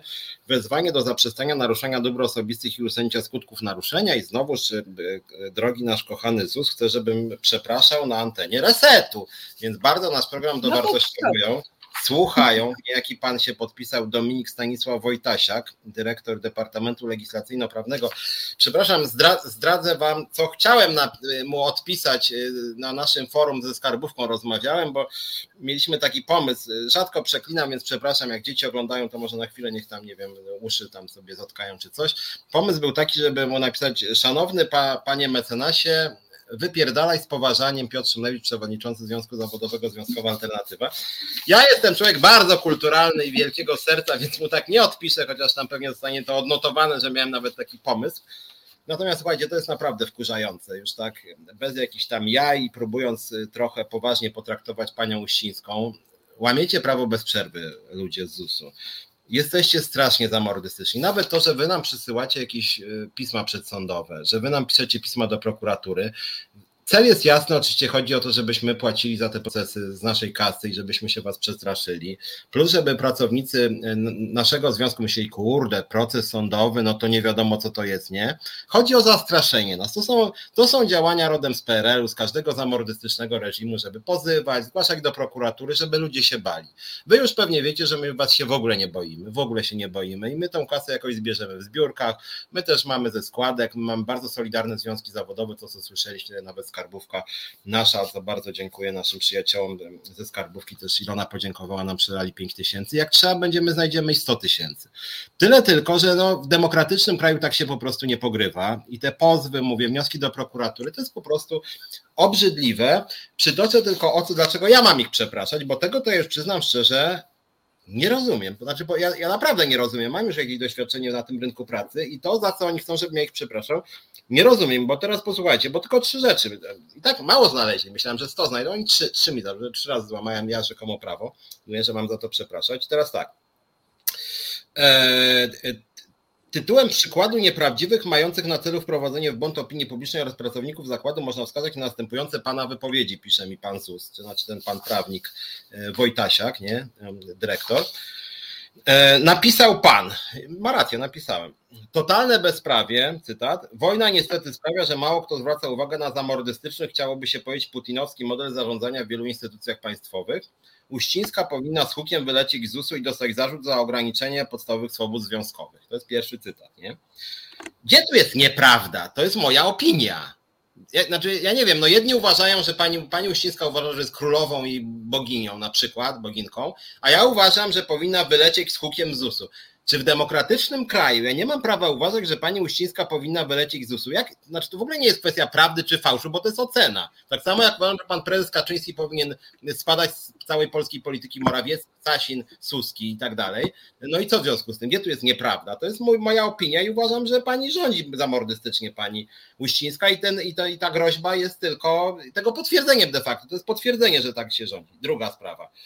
Na stronie internetowej, a to delikatna sprawa bym powiedział, bo to Ilona ci jeszcze nie pokazywałem tego wniosku, a to drugie, no ja bym nie pogrywał na miejscu pani Uścińskiej w ten sposób. Na stronie internetowej YouTube w dniu 9 lutego w rozmowie z Garczyńską, teraz ty ze mną wywiad robiłaś, stwierdził pan, cytuję, lider związkowy wchodzi do pracodawcy i wychodzi z pensją 12 800. No, ja bym na miejscu pani prezes w porozumieniu ze związkami OPZZ czy Solidarności w tym punkcie był bardzo ostrożny, bo te 12 tysięcy, które ja sugerowałem liderom związkowym, sorry, o tym sobie pewnie szerzej pogadamy w niedalekiej przyszłości, ale chyba zaniżyłem, panie. Mówimy o grudniu, przepraszam, o tym słynnym grudniu 2021. Panie, pa, panie, panie dyrektorze, niech pan uważnie, panie dyrektorze Wojtasiak sprawdzi, ile zarabiają Ale liderzy. przepraszam, tą odpowiedź, odpowiedź publiczną, którą ci wysłałam, którą udostępniłam oczywiście wszystkim, podpisywał ten sam pan. Także on doskonale wie. Panie Wojtasiak, nie, jestem zdecydowanie przeciwko stygmatyzowaniu osób z jakimiś problemami psychicznymi, ale jeżeli pan podpisuje dokument, gdzie grozi mi pan pozwem o to, że ja mówię o 12800 i pan podpisuje inny dokument, gdzie pan mówi, że zarobki dla tych liderów związkowych są jeszcze wyższe niż 12800 Solidarności czy OPZZ-u, to niech pan przemyśli tą strategię. I wreszcie trzecie, w aplikacji Twitter w komentarzu do wpisu jednego z polityków napisał pan Uścińska notorycznie łamie prawa pracownicze, dyskryminuje niewygodne związki zawodowe, nie dba o BHP. Zarobki w ZUS-ie oscylują wokół płacy minimalnej. ZUS poza przetargiem przyjmuje oprogramowanie programu 500. Ludzie, panie, panie kochany Wojtasiak, no daj pan spokój. No, nawet w uzasadnieniu zwolnienia dyscyplinarnego ZUS napisał, że to było bez przetargu. Było. Rozumiem, że to jest fakt po prostu. Było. To, czy można było bez przetargu, czy to jest fajnie, że bez przetargu. Ja jestem tradycyjny, tutaj y, jestem bardzo taki państwo twórczy i legalistyczny. I ja co do zasady uważam, że powinien być przetarg, nawet jak żeście znaleźli w prawie, że nie wiem, koronawirus, więc można było coś tam bez przetargu, czy coś takiego. Ale było bez przetargu, to nie jest nieprawda. Jest jedna ciekawa rzecz, bo ostatnio zabrakło papieru w ZUS-ie. W jednym z oddziałów cięto na pół kartki A3. Wiem o tym. Także chciałam powiedzieć, że jak pytano się o przetarg, to y, doszły mnie informacje, że y, pytano się, dlaczego nie ma papieru, to doszły mnie informacje, że na papier trzeba robić przetarg. Czyli można było wstrzymać wydawanie decyzji i nie robić przetargu na papier. Y, przepraszam, trzeba było robić przetarg na papier, a na 50 tak, tak. milionów nie trzeba przetargu. Nie, wtedy tak. nie trzeba przetargu. No więc właśnie, to, to jest, jest jak, i my, tak, i my jako obywatele mamy prawo, sorry, nie być zachwyceni tym, że bez przetargu się 50 milionów bierze skądś tam. No jako mamy prawo, czy nie mamy, panie Wojtasiak? No ja uważam, że ja mam prawo jako obywatel i na przykład nasz postulat jako związku jest taki, że przetargi dodatkowo transparentne powinny być wszędzie. Jak pan mi znajdziesz paragraf, że nie musi być wszędzie, że może być nietransparentnie, no może mi pan nawet znajdziesz, ale ja uważam, że to jest naganne, bo tak, bo tak mam, bo taki mam pogląd jako związkowiec, nie wiem, osoba publiczna, kto tam jeszcze. I to, że, i to, że pani Uścińska łamie prawa pracownicze, no wymieniałem co najmniej trzy przypadki. To, że dyskryminuje niewygodne związki zawodowe, mówię, te wszystkie świstki papieru są na to najlepszym dowodem. Skoro wy akurat nas zasypujecie jakimiś głupimi groźbami pozwów, przeciwko nam idziecie do prokuratury, naszą liderkę zwalniacie, według mojej wiedzy nigdy podobnych działań nie podejmowaliście wobec państwa z OPZZ czy Solidarności. Dyskryminujecie nas, no sorry, no. No nic Ale na to nie poradzę. Jeszcze jedna ciekawa rzecz, bo nie widziałam twojego, e, twojego wezwania, ale zarówno w moim wezwaniu, jak i w tym oświadczeniu o zwolnieniu, czyli tak zwanej dyscyplinarce, jest wkładanie mi w usta, czy tam y, twierdzenie, co ja miałam na myśli, mówiąc coś. Więc y, nie za bardzo, nie za bardzo odpowiadam za to, co oni zrozumieli, mówiąc, mając na myśli te 50 milionów, ale ja powiedziałam wyraźnie, nie było przetargu przy podpisywaniu umowy na 50 milionów. I oni się jeszcze tłumaczą, że bliżej nieokreślonych bliżej nieokreślonej umowy na 50 milionów, no to al, żeby za chwilę napisać, że taka sytuacja miała miejsce, no to albo miała, albo jest bliżej nieokreślona. Nie róbcie z siebie, y, żeby nie użyć słowa głupka, no zabrakło mi teraz słowa. No ale osoby powiedz, niemądrej. Nie róbcie z siebie osoby niemądrej, bo naprawdę nie będąc prawnikiem, a czytając te wezwania i oświadczenia pracodawcy, no to sami sobie zaprzeczacie, wkładacie w moje usta coś, czego nie powiedziałam, y, y, interpretujecie to na swój sposób. Także naprawdę nie było przetargów na 50 milionów? Nie było przetargu, proste. A to jak wy sobie to interpretujecie, co ja miałam na myśli, no to już jest wasz problem, wasza sprawa. Ja się w to nie będę wtrącać. Ale jest szansa, jest nadzieja, że wreszcie któryś z tych wniosków, już chyba było ich cztery, tych skarg, e, gruźb, pozwów, że wreszcie pani Uścińska do sądu przyjdzie i my panią tak. Uścińską przepytamy. Najchętniej mamy nadzieję, że pani Gertruda, pani profesor, tak pani podobno lubi, jak się do pani zwracać, że pani profesor nie będzie miała nic przeciwko, żeby jednak proces był w pełni jawny. Bardzo chętnie spytamy, jak to tak. jest z tymi 50 milionami, jak to jest z tym BHP. Chętnie zaprosimy też powiedzmy, nie wiem, 50 pracowników ZUS-u, żeby opowiedzieli o tym BHP, ci, którzy twierdzą, że z tym BHP jest różnie. Pani profesor będzie mogła sobie to, pani prezes profesor będzie mogła to sobie prostować, tłumaczyć, że na przykład praca w temperaturze 35 stopni jest wspaniała i zdrowa dla organizmu i można się opalić na przykład szybciej, albo, albo, albo, albo można się wtedy jakoś tam, nie wiem, organizm się dostosowuje do trudnych warunków. Elementy wojskowe są wtedy w ZUS-ie też może będzie taka argumentacja, nie wiem. I generalnie rzecz biorąc, wtedy będzie pani tłumaczyła nam, że, że oscylować wokół płacy minimalnej, to na przykład w znaczeniu pani Uścińskiej zarabiać, nie wiem, że jak już 100 złotych ponad płacę minimalną, to już się nie oscyluje, bo oscyluje to się wtedy, kiedy jest, nie wiem, 12 złotych płacy minimalnej, a jak ktoś ma 100 złotych ponad płacę minimalną, to już nie jest oscylowanie, tylko to jest dużo, dużo więcej. No nie wiem, może coś takiego, zadamy jej te wszystkie pytania i też pracownikom, którzy tyle właśnie zarabiają i tak są traktowani, to może w tym sensie to może być ja ciekawe. Bardzo, ja bardzo chętnie, bo na pewno wezwę parę osób, które nie odpowiadały mi do tej pory, nie udzielały odpowiedzi na moje maile być może przewodniczących innych związków wezwiemy, czy pewne osoby zgłaszały im pewne sprawy i dlaczego to do tej pory jest wszystko nieporozwiązywane. Także na pewno będziemy mieli dużo pytań, więc szykujmy się na porządny proces sądowy. Oczywiście miejmy nadzieję, że będzie jawny zobaczymy, która strona będzie żądała wyłączenia jawności i to wtedy będzie o niej świadczyć. My na pewno nie. Tutaj zarząd związku, zarząd zakładowy, zarząd centralny jest zdecydowanie za jawnością. Nawet możemy książkę wydać z tego procesu. Tak jest. Tak, a jeszcze, co do, jeszcze tak e, e, nawiązując do wynagrodzeń, e, chciałam powiedzieć, że tutaj nie wiem, czy już weszła ta ustawa, czy ona ma wejść ale nawet chcą podnieść dla złodziejów. Jest taka inflacja, że nawet złodziejom będą pod, podwyższać kwotę, czyli wykroczeniem nie będzie już kwota do 500 zł, tylko do 800 zł, a wszystko powyżej będzie oczywiście przestępstwem. Także nawet złodziejom, proszę pani, kradzieży. Nawet inflacja dotknęła złodziei. A jeszcze, jeszcze, żeby mi zaraz z głowy nie wyleciało i już ci oddaję z powrotem głos, ostatnio mieliśmy spotkanie w centrali. Y, spotkanie dotyczyło zmian regulaminu pracy, w którym chcieli podwyższyć y, ilość nadgodzin ze 150 do 300, czyli o 100%. Także y, i, i w pewnym momencie odezwała się jedna z pań dyrektor i zaczęła straszyć nas wojną.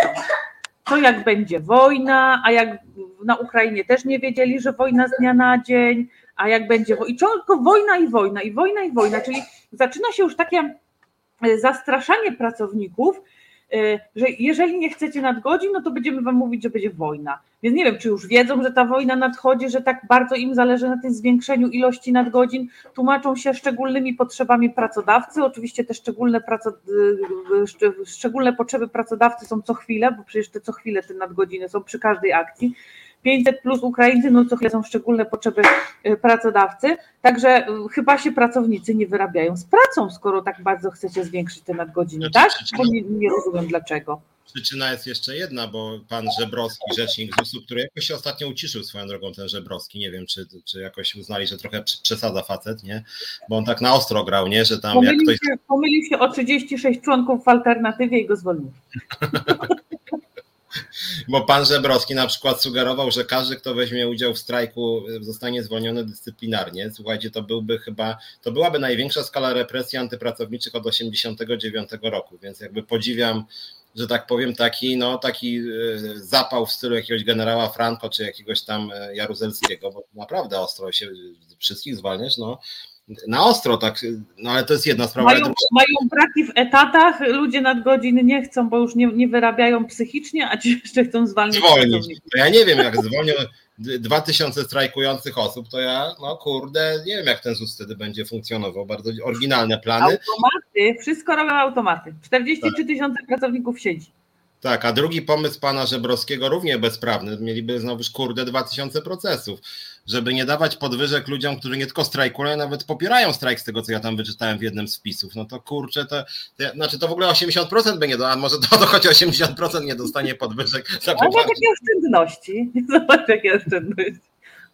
Ale Natomiast... ja powiem Ci, że gdyby, hmm. gdyby było porozumienie na 300 złotych, i osoby, które strajkują, czy tam popierają strajk, miałyby tych 300 zł nie dostać, to przysięgam, że ja to porozumienie podpisuję. Tylko musieliby wpisać imię, nazwisko, nie dostaje 300 y, zł, bo polajkował wpis pani Garczyńskiej. i tak dalej. Podpiszę to porozumienie, przysięgam. No natomiast słuchajcie, a propos już tak y, na poważnie traktując ich słowa, bo przed godziną mniej więcej e, przyszedł ten mail pani Dros. Bardzo jesteśmy ciekawi, co tam się znajdzie, no bo napisała, jeśli dobrze pamiętam ten list, co tu Ilona czytała, że będą duże środki znalezione na podwyżki. No przez duże rozumiem jednak, że to będzie no wiecie, no, ceny rosną bardzo szybko. Dzisiaj GUS potwierdził, że jest 13,9 inflacja. W związku z tym, no dużo, każdy sam może myśleć, co to znaczy dużo, ale na pewno nie jest to 100 zł, nie? Od osoby, co najmniej kilkaset. W związku z tym, powiedzmy, jakby było 700, 800 czy 1000 zł na osobę, to byłoby coś. Nie powiem bardzo dużo, ale coś. Natomiast chciałem Wam powiedzieć o jednej rzeczy w kontekście tego, co rząd planował jeszcze jeszcze kiedy to było, dwa dni temu to chyba było, przedwczoraj chyba.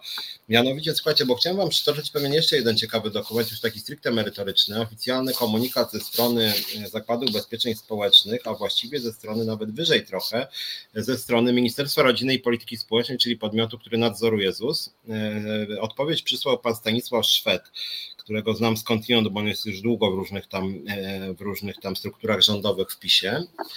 I on reprezentując Ministerstwo Rodziny i Polityki Społecznej dał odpowiedź e, posłowi niejakiemu Tomaszewskiemu, który zrobił interpelację odnośnie, e, odnośnie sytuacji w ZUS-ie i zadał właśnie pytania e, do ministerstwa, co tam się cholera w tym ZUS-ie wyprawia.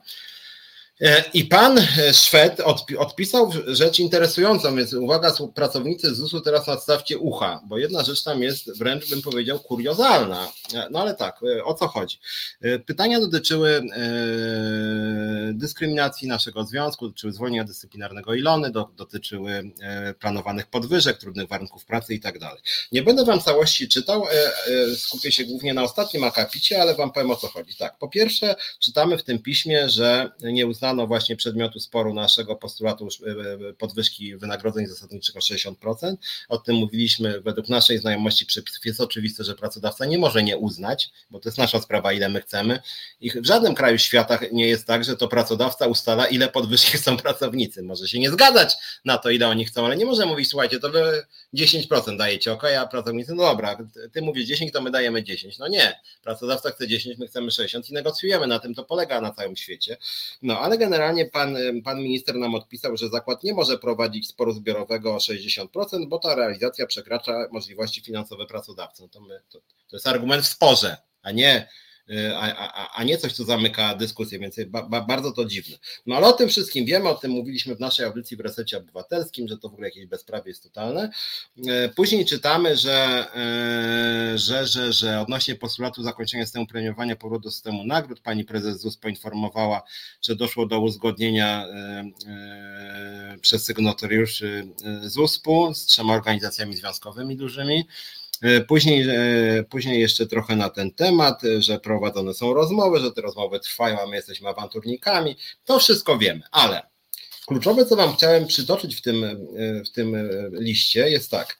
W bieżącym roku przyrost funduszu wynagrodzeń osobowych zakładów wynosi 185 milionów, pisze ten minister, i 185 milionów złotych, 185 tysięcy. W związku z tym zakład może przeznaczyć na podwyżki wynagrodzenia zasadniczego kwotę 300 zł średnio na etat. 300 zł na etat.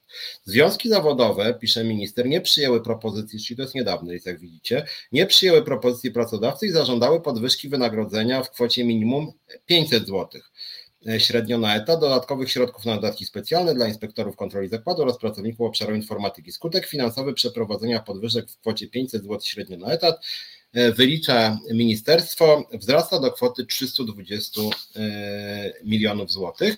I teraz czytamy, że posiadane przez zakład środki nie pokrywają przedstawionych przez organizacje związkowe żądań zakładowe. Organizacje związkowe uzależniły termin spotkania od zapewnienia przez pracodawcę, że znajdą się środki. I słuchajcie, to było dwa dni temu.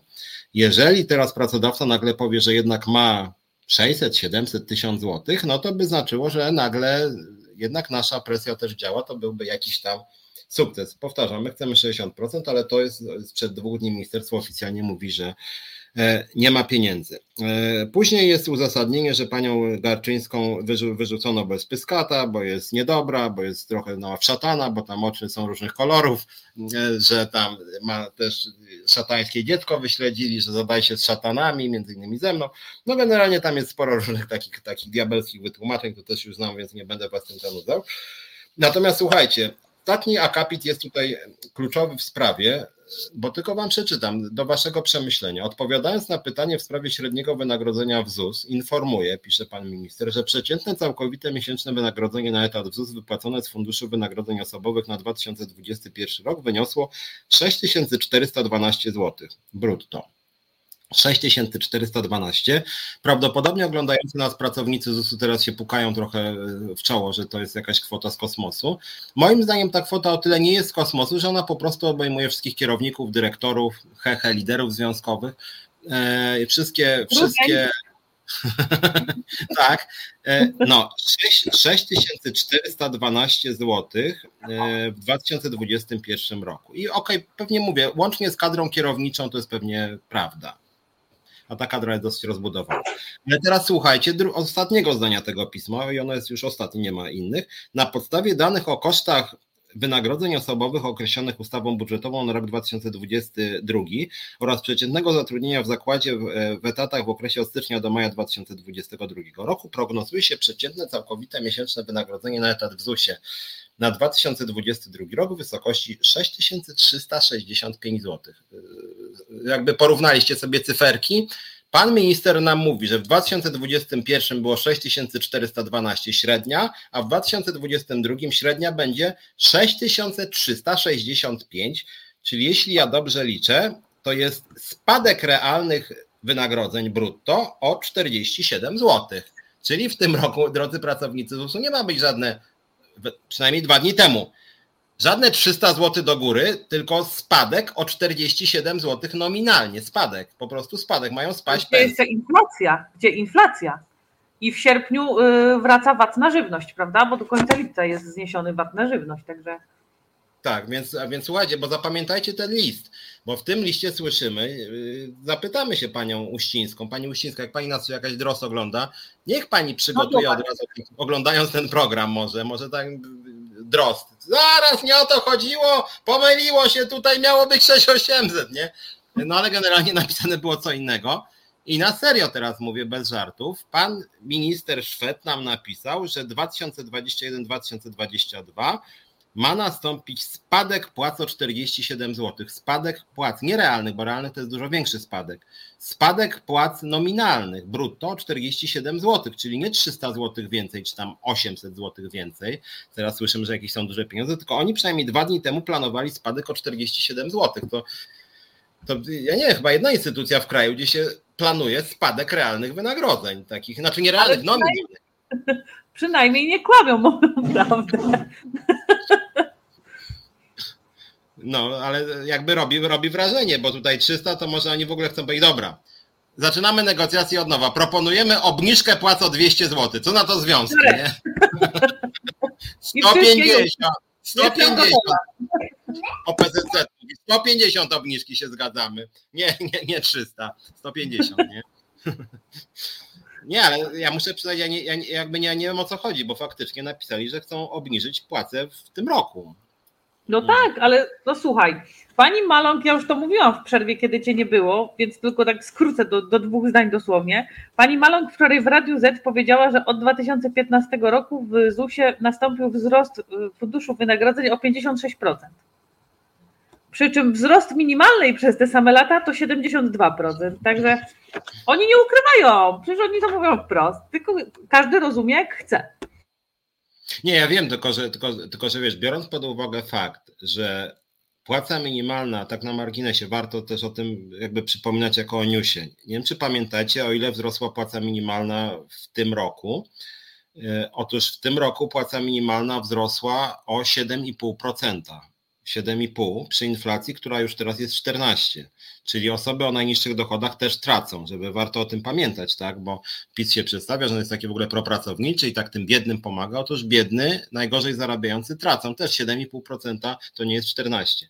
Tylko właśnie się tak dziwię, że oni że oni, że, że, że, że, że ja nie wiem, co oni mają na myśli, mówiąc o tym, że teraz jeszcze znajdą. Być może jednak nasze, na, na, nasz upór e, i nasze naciski jakby skutek wywołują, że, że, że szacunki za tydzień już będą, że jednak to nie będzie spadek o 47 zł, tylko na przykład wzrost o 600. No mam nadzieję, ale, ale to wygląda po prostu, że tak powiem, strasznie. Powiem Ci, że mi się bardziej wydaje, że ten dzisiejszy mail oznacza tylko tyle, że być może ta ustawa, czyli te 1,5%, o których była mowa, czyli ustawa dotycząca y, tych świadczeń dla Ukraińców, mm, być może z tej ustawy, dlatego oni tak policzyli, że to będą znaczące, bo jeszcze po pierwsze nie mają konkretnych wyliczeń, znaczy wyliczenia podejrzewam, że mają, ale nie, nie ujawniają tych konkretnych wyliczeń, więc być może oni dadzą te 500 brutto, zakładając tą ustawę, ale właśnie zakładając, że to będzie ta ustawa. E, no i pytanie brzmi, czy dadzą 500 zł brutto dla każdego z wyrównaniem od stycznia, w co wątpię, czy będzie część uznaniowa obligatoryjna i na przykład 300 zł od stycznia, a od bieżącego miesiąca, powiedzmy od lipca, e, e, będzie te, te nie wiem, 150 czy 200 zł z tej ustawy dla, dla Ukraińców. I to też nie wiadomo, czy to takie kwoty, bo mówię, nikt tego jeszcze tak naprawdę nie wyliczył, no to tylko tyle, co my sobie możemy wyliczyć z wiadomości, które są przekazywane do gazet, bo, bo nie mamy informacji, ile tych świadczeń jest faktycznie wypłaconych dla, dla i, mm, Ukraińców. Albo powiedzą, mamy znaczącą podwyżkę od 21 zł. I wtedy ui, rzucamy, nie strajkujemy już wtedy. Z tych 21 zł część stała 5 złotych, i 16 część uznaniowa dla tych, którzy nie będą pyskować. Jan Kowalski, tak, jest wprost napisane, że dla pracowników zaangażowanych Ukraińców i oczywiście okaże się, że to będzie tak jak w przypadku 500, że to jest tylko tam 50 czy 90 osób, bo różne, różnie podaje pani prezes w mediach, raz tak, raz tak, więc nie wiemy ile to osób jest. Y, wszyscy na SOK, wszyscy na COT, wszystkie wydziały merytoryczne już nic z tym wspólnego nie mają, nie? bo tylko te 50 czy 90 osób obsługuje te 500 plusy, więc tak może być. Słuchajcie, to jest wszystko po to robione, żeby uspokoić nastroje, żeby wam się odechciało. Wszystkie te pisma, które ja dostaję, jest po to, żeby mi się odechciało. Mi się nie odechce. To mnie jeszcze bardziej nakręca. A jeszcze najbardziej, tak jak Piotr powiedział, cieszymy się z tego, że w końcu się spotkamy w sądzie z panią Uścińską i dostaniemy odpowiedzi na pytania, które, na, których, na które nie udzielono nam odpowiedzi do tej pory. Ja kiedyś rozmawiałam z prawnikiem z Warszawy przy innej kwestii, bo to chodzi o tam o nasze wynagrodzenia, ale on mi powiedział jedno, ZUS, pani nie, nie udostępni żadnych danych bez sprawy sądowej, tylko sąd przymusi y, ZUS do udostępnienia tych danych. Dlatego ja się bardzo cieszę, idźmy do sądu. Hmm. Natomiast tak, bo, bo, bo dzisiaj trochę, y, trochę kpiliśmy sobie z ZUS-u, tylko słuchajcie, ja, ja, ja sobie zaczynam kpić, bo z tymi ludźmi się nie da na serio rozmawiać. Ja negocjuję ostro, ale jestem bardzo konkretny i wbrew pozorom potrafię, że tak powiem, z czegoś zrezygnować, żeby dostać coś ważnego. Myśmy y, Zakład Ubezpieczeń Społecznych potraktowali bardzo serio, to jest jeden z naszych najważniejszych jakby podmiotów, mamy też silny związek Ilony tam. No i myśleliśmy, że to jest też jakby po drugiej stronie mamy jakichś poważnych ludzi. W związku z tym, y, zainspirowani też przez polityków, powiedzieliśmy 60% podwyżki. Chcieliśmy ponegocjować na serio ponegocjować. Jeżeli pracodawca by chciał nas przekonywać, że nie ma 60% możliwości, by nam dowodził, że na przykład jest 30%, to byśmy pogadali z członkami i pewnie jakby większość z Was tu obecnych dostała podwyżkę 30%, to pewnie byście byli zadowoleni, biorąc pod uwagę te śmieci, które też Wam się proponuje, tak? A oni zamiast usiąść z nami do jakichkolwiek rozmów, to bez przerwy tylko groźby, prokuratura, teraz pozwy, zwolnienia, nieuznawanie nas, jakieś, jakieś tam, nie wiem, pisanie listów do całej załogi, w ogóle wykorzystywanie skrzynki służbowej przez, przez pracodawcę do szkalowania nas właściwie, które trwa od, odkąd istniejemy, no tak się po prostu nie negocjuje. I teraz, I teraz jest też tak, że my my cały czas mówimy, OK, to usiądźmy i rozmawiajmy, a oni zamiast, zamiast rozmawiać na serio, to nie chcą w ogóle wejść z nami w spór zbiorowy. Zwalniają naszą główną negocjatorkę, bez przerwy łamią prawo pracy, a w momencie, kiedy my mówimy, jak wy nam nie chcecie z nami gadać, no to zrobimy strajk. To oni mówią, nielegalny strajk, łamanie prawa, dzicy jesteście, nie? No, no, no to, to jest trochę śmieszne tak naprawdę. No nie wiadomo właśnie, jak tu rozmawiać, kiedy Ale nie zobacz, partnera. Zobacz jedną rzecz. Teraz referendum ogłosił y, Związek Niezależny wraz tam z innymi sześcioma czy pięcioma y, organizacjami związkowymi. Dali taką informację na forum wewnętrznym, na naszym intranecie. Trzy minuty później post był skasowany. momentalnie skasowali post. Więc zaraz też się pracownicy dowiedzą, że ich referendum jest nielegalne, że ich strajk będzie nielegalny, że y, generalnie ten y, referendum mogło być legalne, ale nie zagłosowała na przykład pani Uścińska. Hmm. Pani Uścińska nie, nie zagłosowała, dla nich strajk jest nielegalny. Nie? Także to, to, to jest jedna retoryka, to jest tylko po to, żeby wszystkich nas zastraszyć, żebyśmy nic od nich nie chcieli. Y, no ale niestety, tak jak powiedziałam, mnie to nakręca do dalszej walki. Ja nie odpuszczę i bardzo chętnie się jeszcze raz podkreślę, że spotkamy się w sądzie.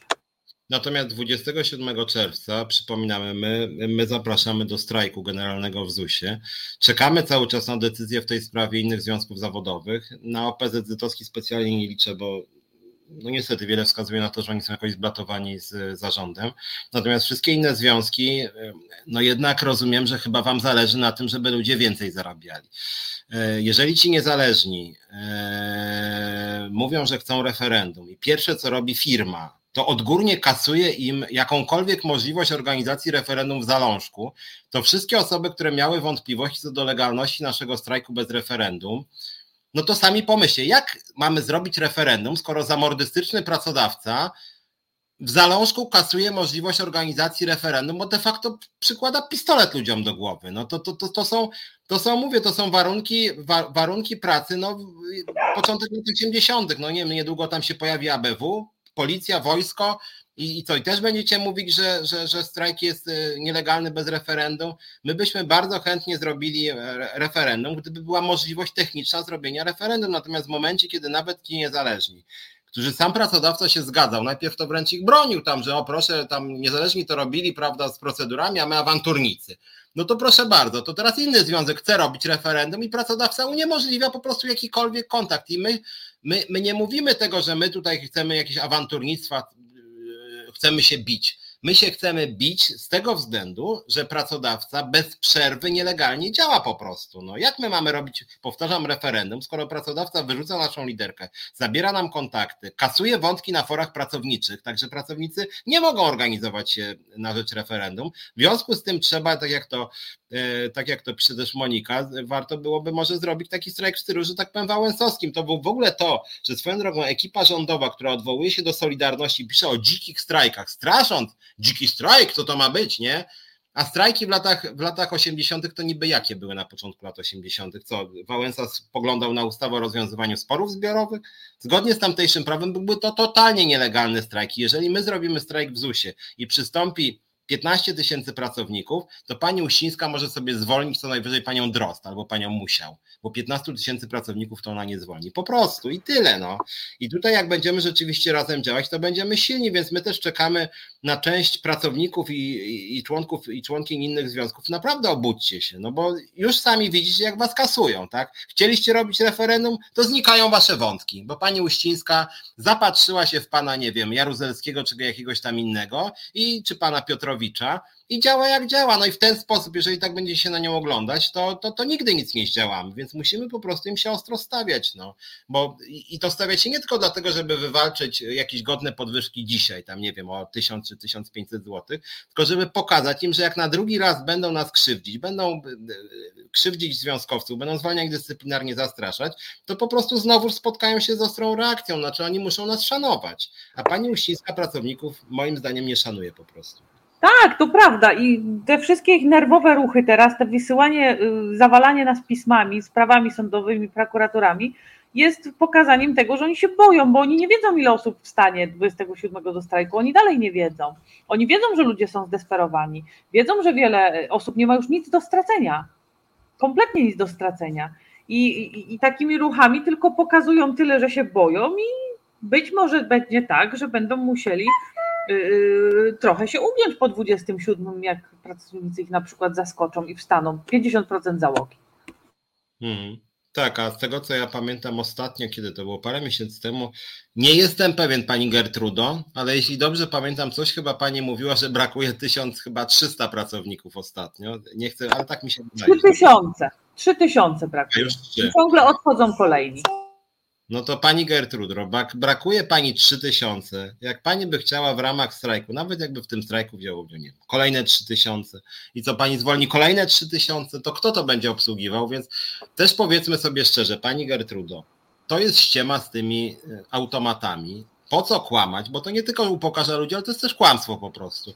Nie obsługują ZUS-u automaty. No nie, nie, nie, Polska nie jest takim krajem rozwiniętym, a ZUS nie jest tak zinformatyzowany. Nie jest, po prostu nie jest. Jest to nieprawda. No i jakby na tyle my się znamy na rzeczy, pani Gertrudo, że my wiemy, że to jest nieprawda. Więc przestańmy z tym ściemnianiem, że automaty cokolwiek obsługują. Ja sam załatwiałem sprawę w ZUS-ie kilkukrotnie w niedawnym e, czasie. Ja muszę powiedzieć, żeby było jasne, że bardzo sobie chwalę kontakty z pracownikami ZUS-u było to dobrze załatwione, ale to pracownicy robili, a nie, a nie automaty. No, no, no po prostu, zresztą w większości spraw nie załatwią żadne automaty, a jeżeli ZUS miałby być w pełni zautomatyzowany i ludzie by dostawali na przykład 500 plus bez żadnej weryfikacji, to skala nieprawidłowości byłaby gigantyczna.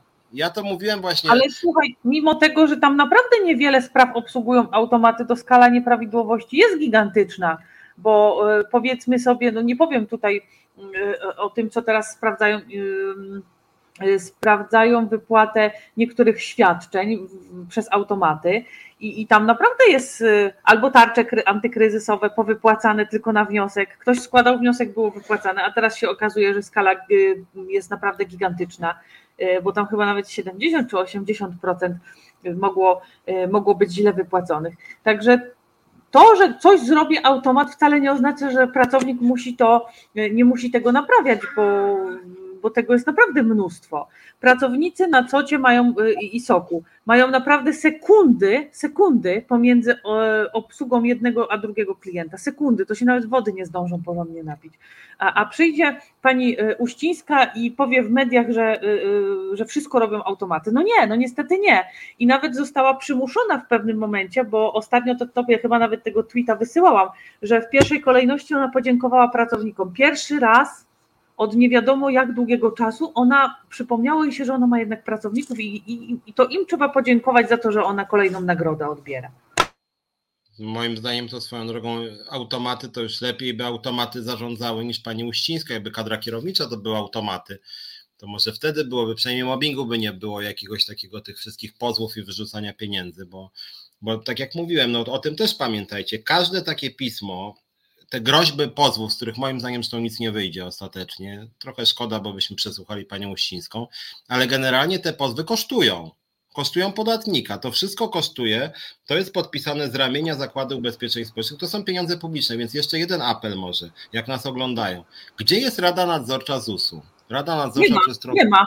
Nie, rozmawiałam z Radą Nadzorczą i oni e, po całym moim liście zarzutów e, stwierdzili, że oni teraz uzupełnią moją wiedzę i przeczytali mi fragment listu od pani Uścińskiej, który tam twierdzi, że średnia wynagrodzeń jest 6800 i jest generalnie wszystko ok.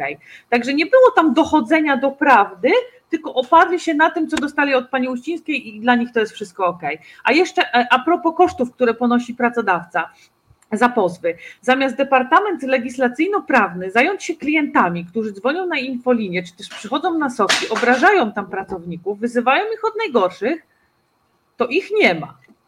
Ale jeżeli y, chcą, mm, chcą pozywać mnie czy ciebie, no co jest nam oczywiście na rękę, bo ja się bardzo chętnie, to podkreślamy już dziesiąty raz, że, że bardzo chętnie spotkamy się w sądzie i przepytamy panią prezes i całą tą jej świtę, więc e, tutaj są, ale jeżeli chodzi o pomoc szaremu pracownikowi, który naprawdę czasami jest e, z Boże, psychicznie wykończony, zamiast zająć się tym, co się stało w tych Bartoszycach pod Olsztynem, zamiast zająć się tym, co się stało też w innych jednostkach, to nie, to będą udawać, zamiatać sprawę pod dywan, a tutaj będą marnować pieniądze publiczne, nie? Także to jest, to jest chore jak dla mnie. Monika, Monika Żelazik pyta, że sprawdzi, kto jest w Radzie Nadzorczej w ZUS-ie. Otóż Monika, właśnie problem i to też niestety jest patologia, że w Radzie Nadzorczej w ZUS-ie to jest rada tak zwana społeczna, co oznacza, mhm. że są przedstawiciele pracodawców i związków zawodowych tych dużych. Tam jest OPZZ, Solidarność, Forum, Lewiatan, Pracodawcy RP. W związku tak. z tym wszystkie te organizacje, które niby dialog srutu pierdutu społeczny przez duże D, e, no i właśnie to jest ten dialog, który oni firmują. Więc w ogóle to jest jakaś chora sytuacja, że organizacje, które mają tam bezpośrednie swoje interesy, często przecinające się z władzą, są w Radzie Nadzorczej, no i widać, że w ogóle nie interweniują, bo ja rzeczywiście się pytam, ludzie, no gdzie wy jesteście? Gdzie jest OPZZ? Gdzie jest Solidarność? No gdzie jest Lewiatan? Mówicie o tym, że wszyscy mówicie, że PiS to niszczy praworządność, a co to jest jak nie niszczenie praworządności? Gdzie jest to w ogóle ta Rada Nadzorcza? Dlaczego wy firmujecie to, że pani Uścińska sobie wydaje kasę na jakieś groźby pozwów wobec niezależnych związków zawodowych? Nawet jak nas nie lubicie, to jakby co to w ogóle jest, nie? E, że, że, że jest kryzys, sami mówią, że jest kryzys, nie mają na nic kasy, a wydają pieniądze na jakieś pisma przedsądowe, jakieś głupoty w ogóle. No. E, no, no właśnie, tutaj Bogdan Grzybowski, Bogdan Kubiak, Józef Ryl to są tylko przedstawiciele związków zawodowych. Gdzie panowie jesteście, tak z nazwisk? Panie Grzybowski, Kubiak e, czy Ryl? No to co wy tam w ogóle robicie? Właśnie, no ja tylko powiem, Bogdan Grzybowski z OPZZ-u, on mi odczytał tą formułkę, że pani prezes stwierdziła, że jest ok, on mi uzupełnił moją wiedzę, tak mi powiedział, uzupełnił moją wiedzę. Jeżeli Rada Nadzorcza. To może trzeba wymienić tę Radę Nadzorczą, skoro ona w ogóle jakby nie nadzoruje. No, jak sama nazwa wskazuje, Rada Nadzorcza ma nadzorować. No. Kto to słyszał, żeby w ogóle w czasie kryzysu właśnie jeszcze, jeszcze pani prezes nie dość, że wywala z pracy liderów związkowych, to jeszcze na dodatek y, wydaje pieniądze na jakichś prawników, nie wiadomo, na jakieś groźby pozwów. No, co to w ogóle jest, kurde? Znaczy tu też by się trzeba było przyjrzeć informacjom publicznym, jakie zarobki ma ta Rada Nadzorcza, czy dostają jakieś pieniądze, jakie, czy ewentualnie dostają jakieś nagrody, premie I też tu może wyjść wiele ciekawych rzeczy na przykład. Prawda, więc trzeba będzie rzeczywiście trochę, trochę, trochę tych wniosków w ramach informacji publicznej przekazać, podobnie właśnie jak, jak będziemy nagłaśniać sprawy związane tam z, z działaniami innych związków, też liderów związkowych, jak są wynagradzani. No, ale musimy powoli kończyć. Liczę na to, że za tydzień już y, po pierwsze Ciebie przywrócą do pracy, a po drugie, że spółka zaproponuje podwyżki dla pracowników, no powiedzmy co najmniej 1000 zł. Tak byśmy sugerowali, wtedy byśmy mogli łaskawie się zastanowić, jak to zrobić zrobimy z tym 27 czerwca. No póki co ja bym był szczerze powiedziawszy nieufny wobec tych pań, które tam nadzorują. No to, to słowo znaczące środki jakoś mnie nie przekonuje. Znaczące. Do... 100 tysięcy złotych na 43 tysiące pracowników ZUS-u. No dobra, zobaczymy, musimy kończyć. Dobra, bardzo Ci Ilona dziękuję. Ja również dziękuję. No i działamy, a, a, a wy wszyscy, moi drodzy i moje drogie, czekajcie na komunikaty i ona jest bardzo transparentna, bardzo często się wypowiada. Ja też zresztą możecie zadawać pytania. Przede wszystkim zapraszamy do naszego związku. My jesteśmy konsekwentni, będziemy uparcie działać, byście po prostu lepiej zarabiali, byli godnie traktowani. No, Odmeldowuję się. Ja też, bo już 18.55, zaczyna się 6, więc dobrego wieczoru. Dobranoc to może Dobrego jeszcze Dobrego wieczoru, papa. Reset Obywatelski.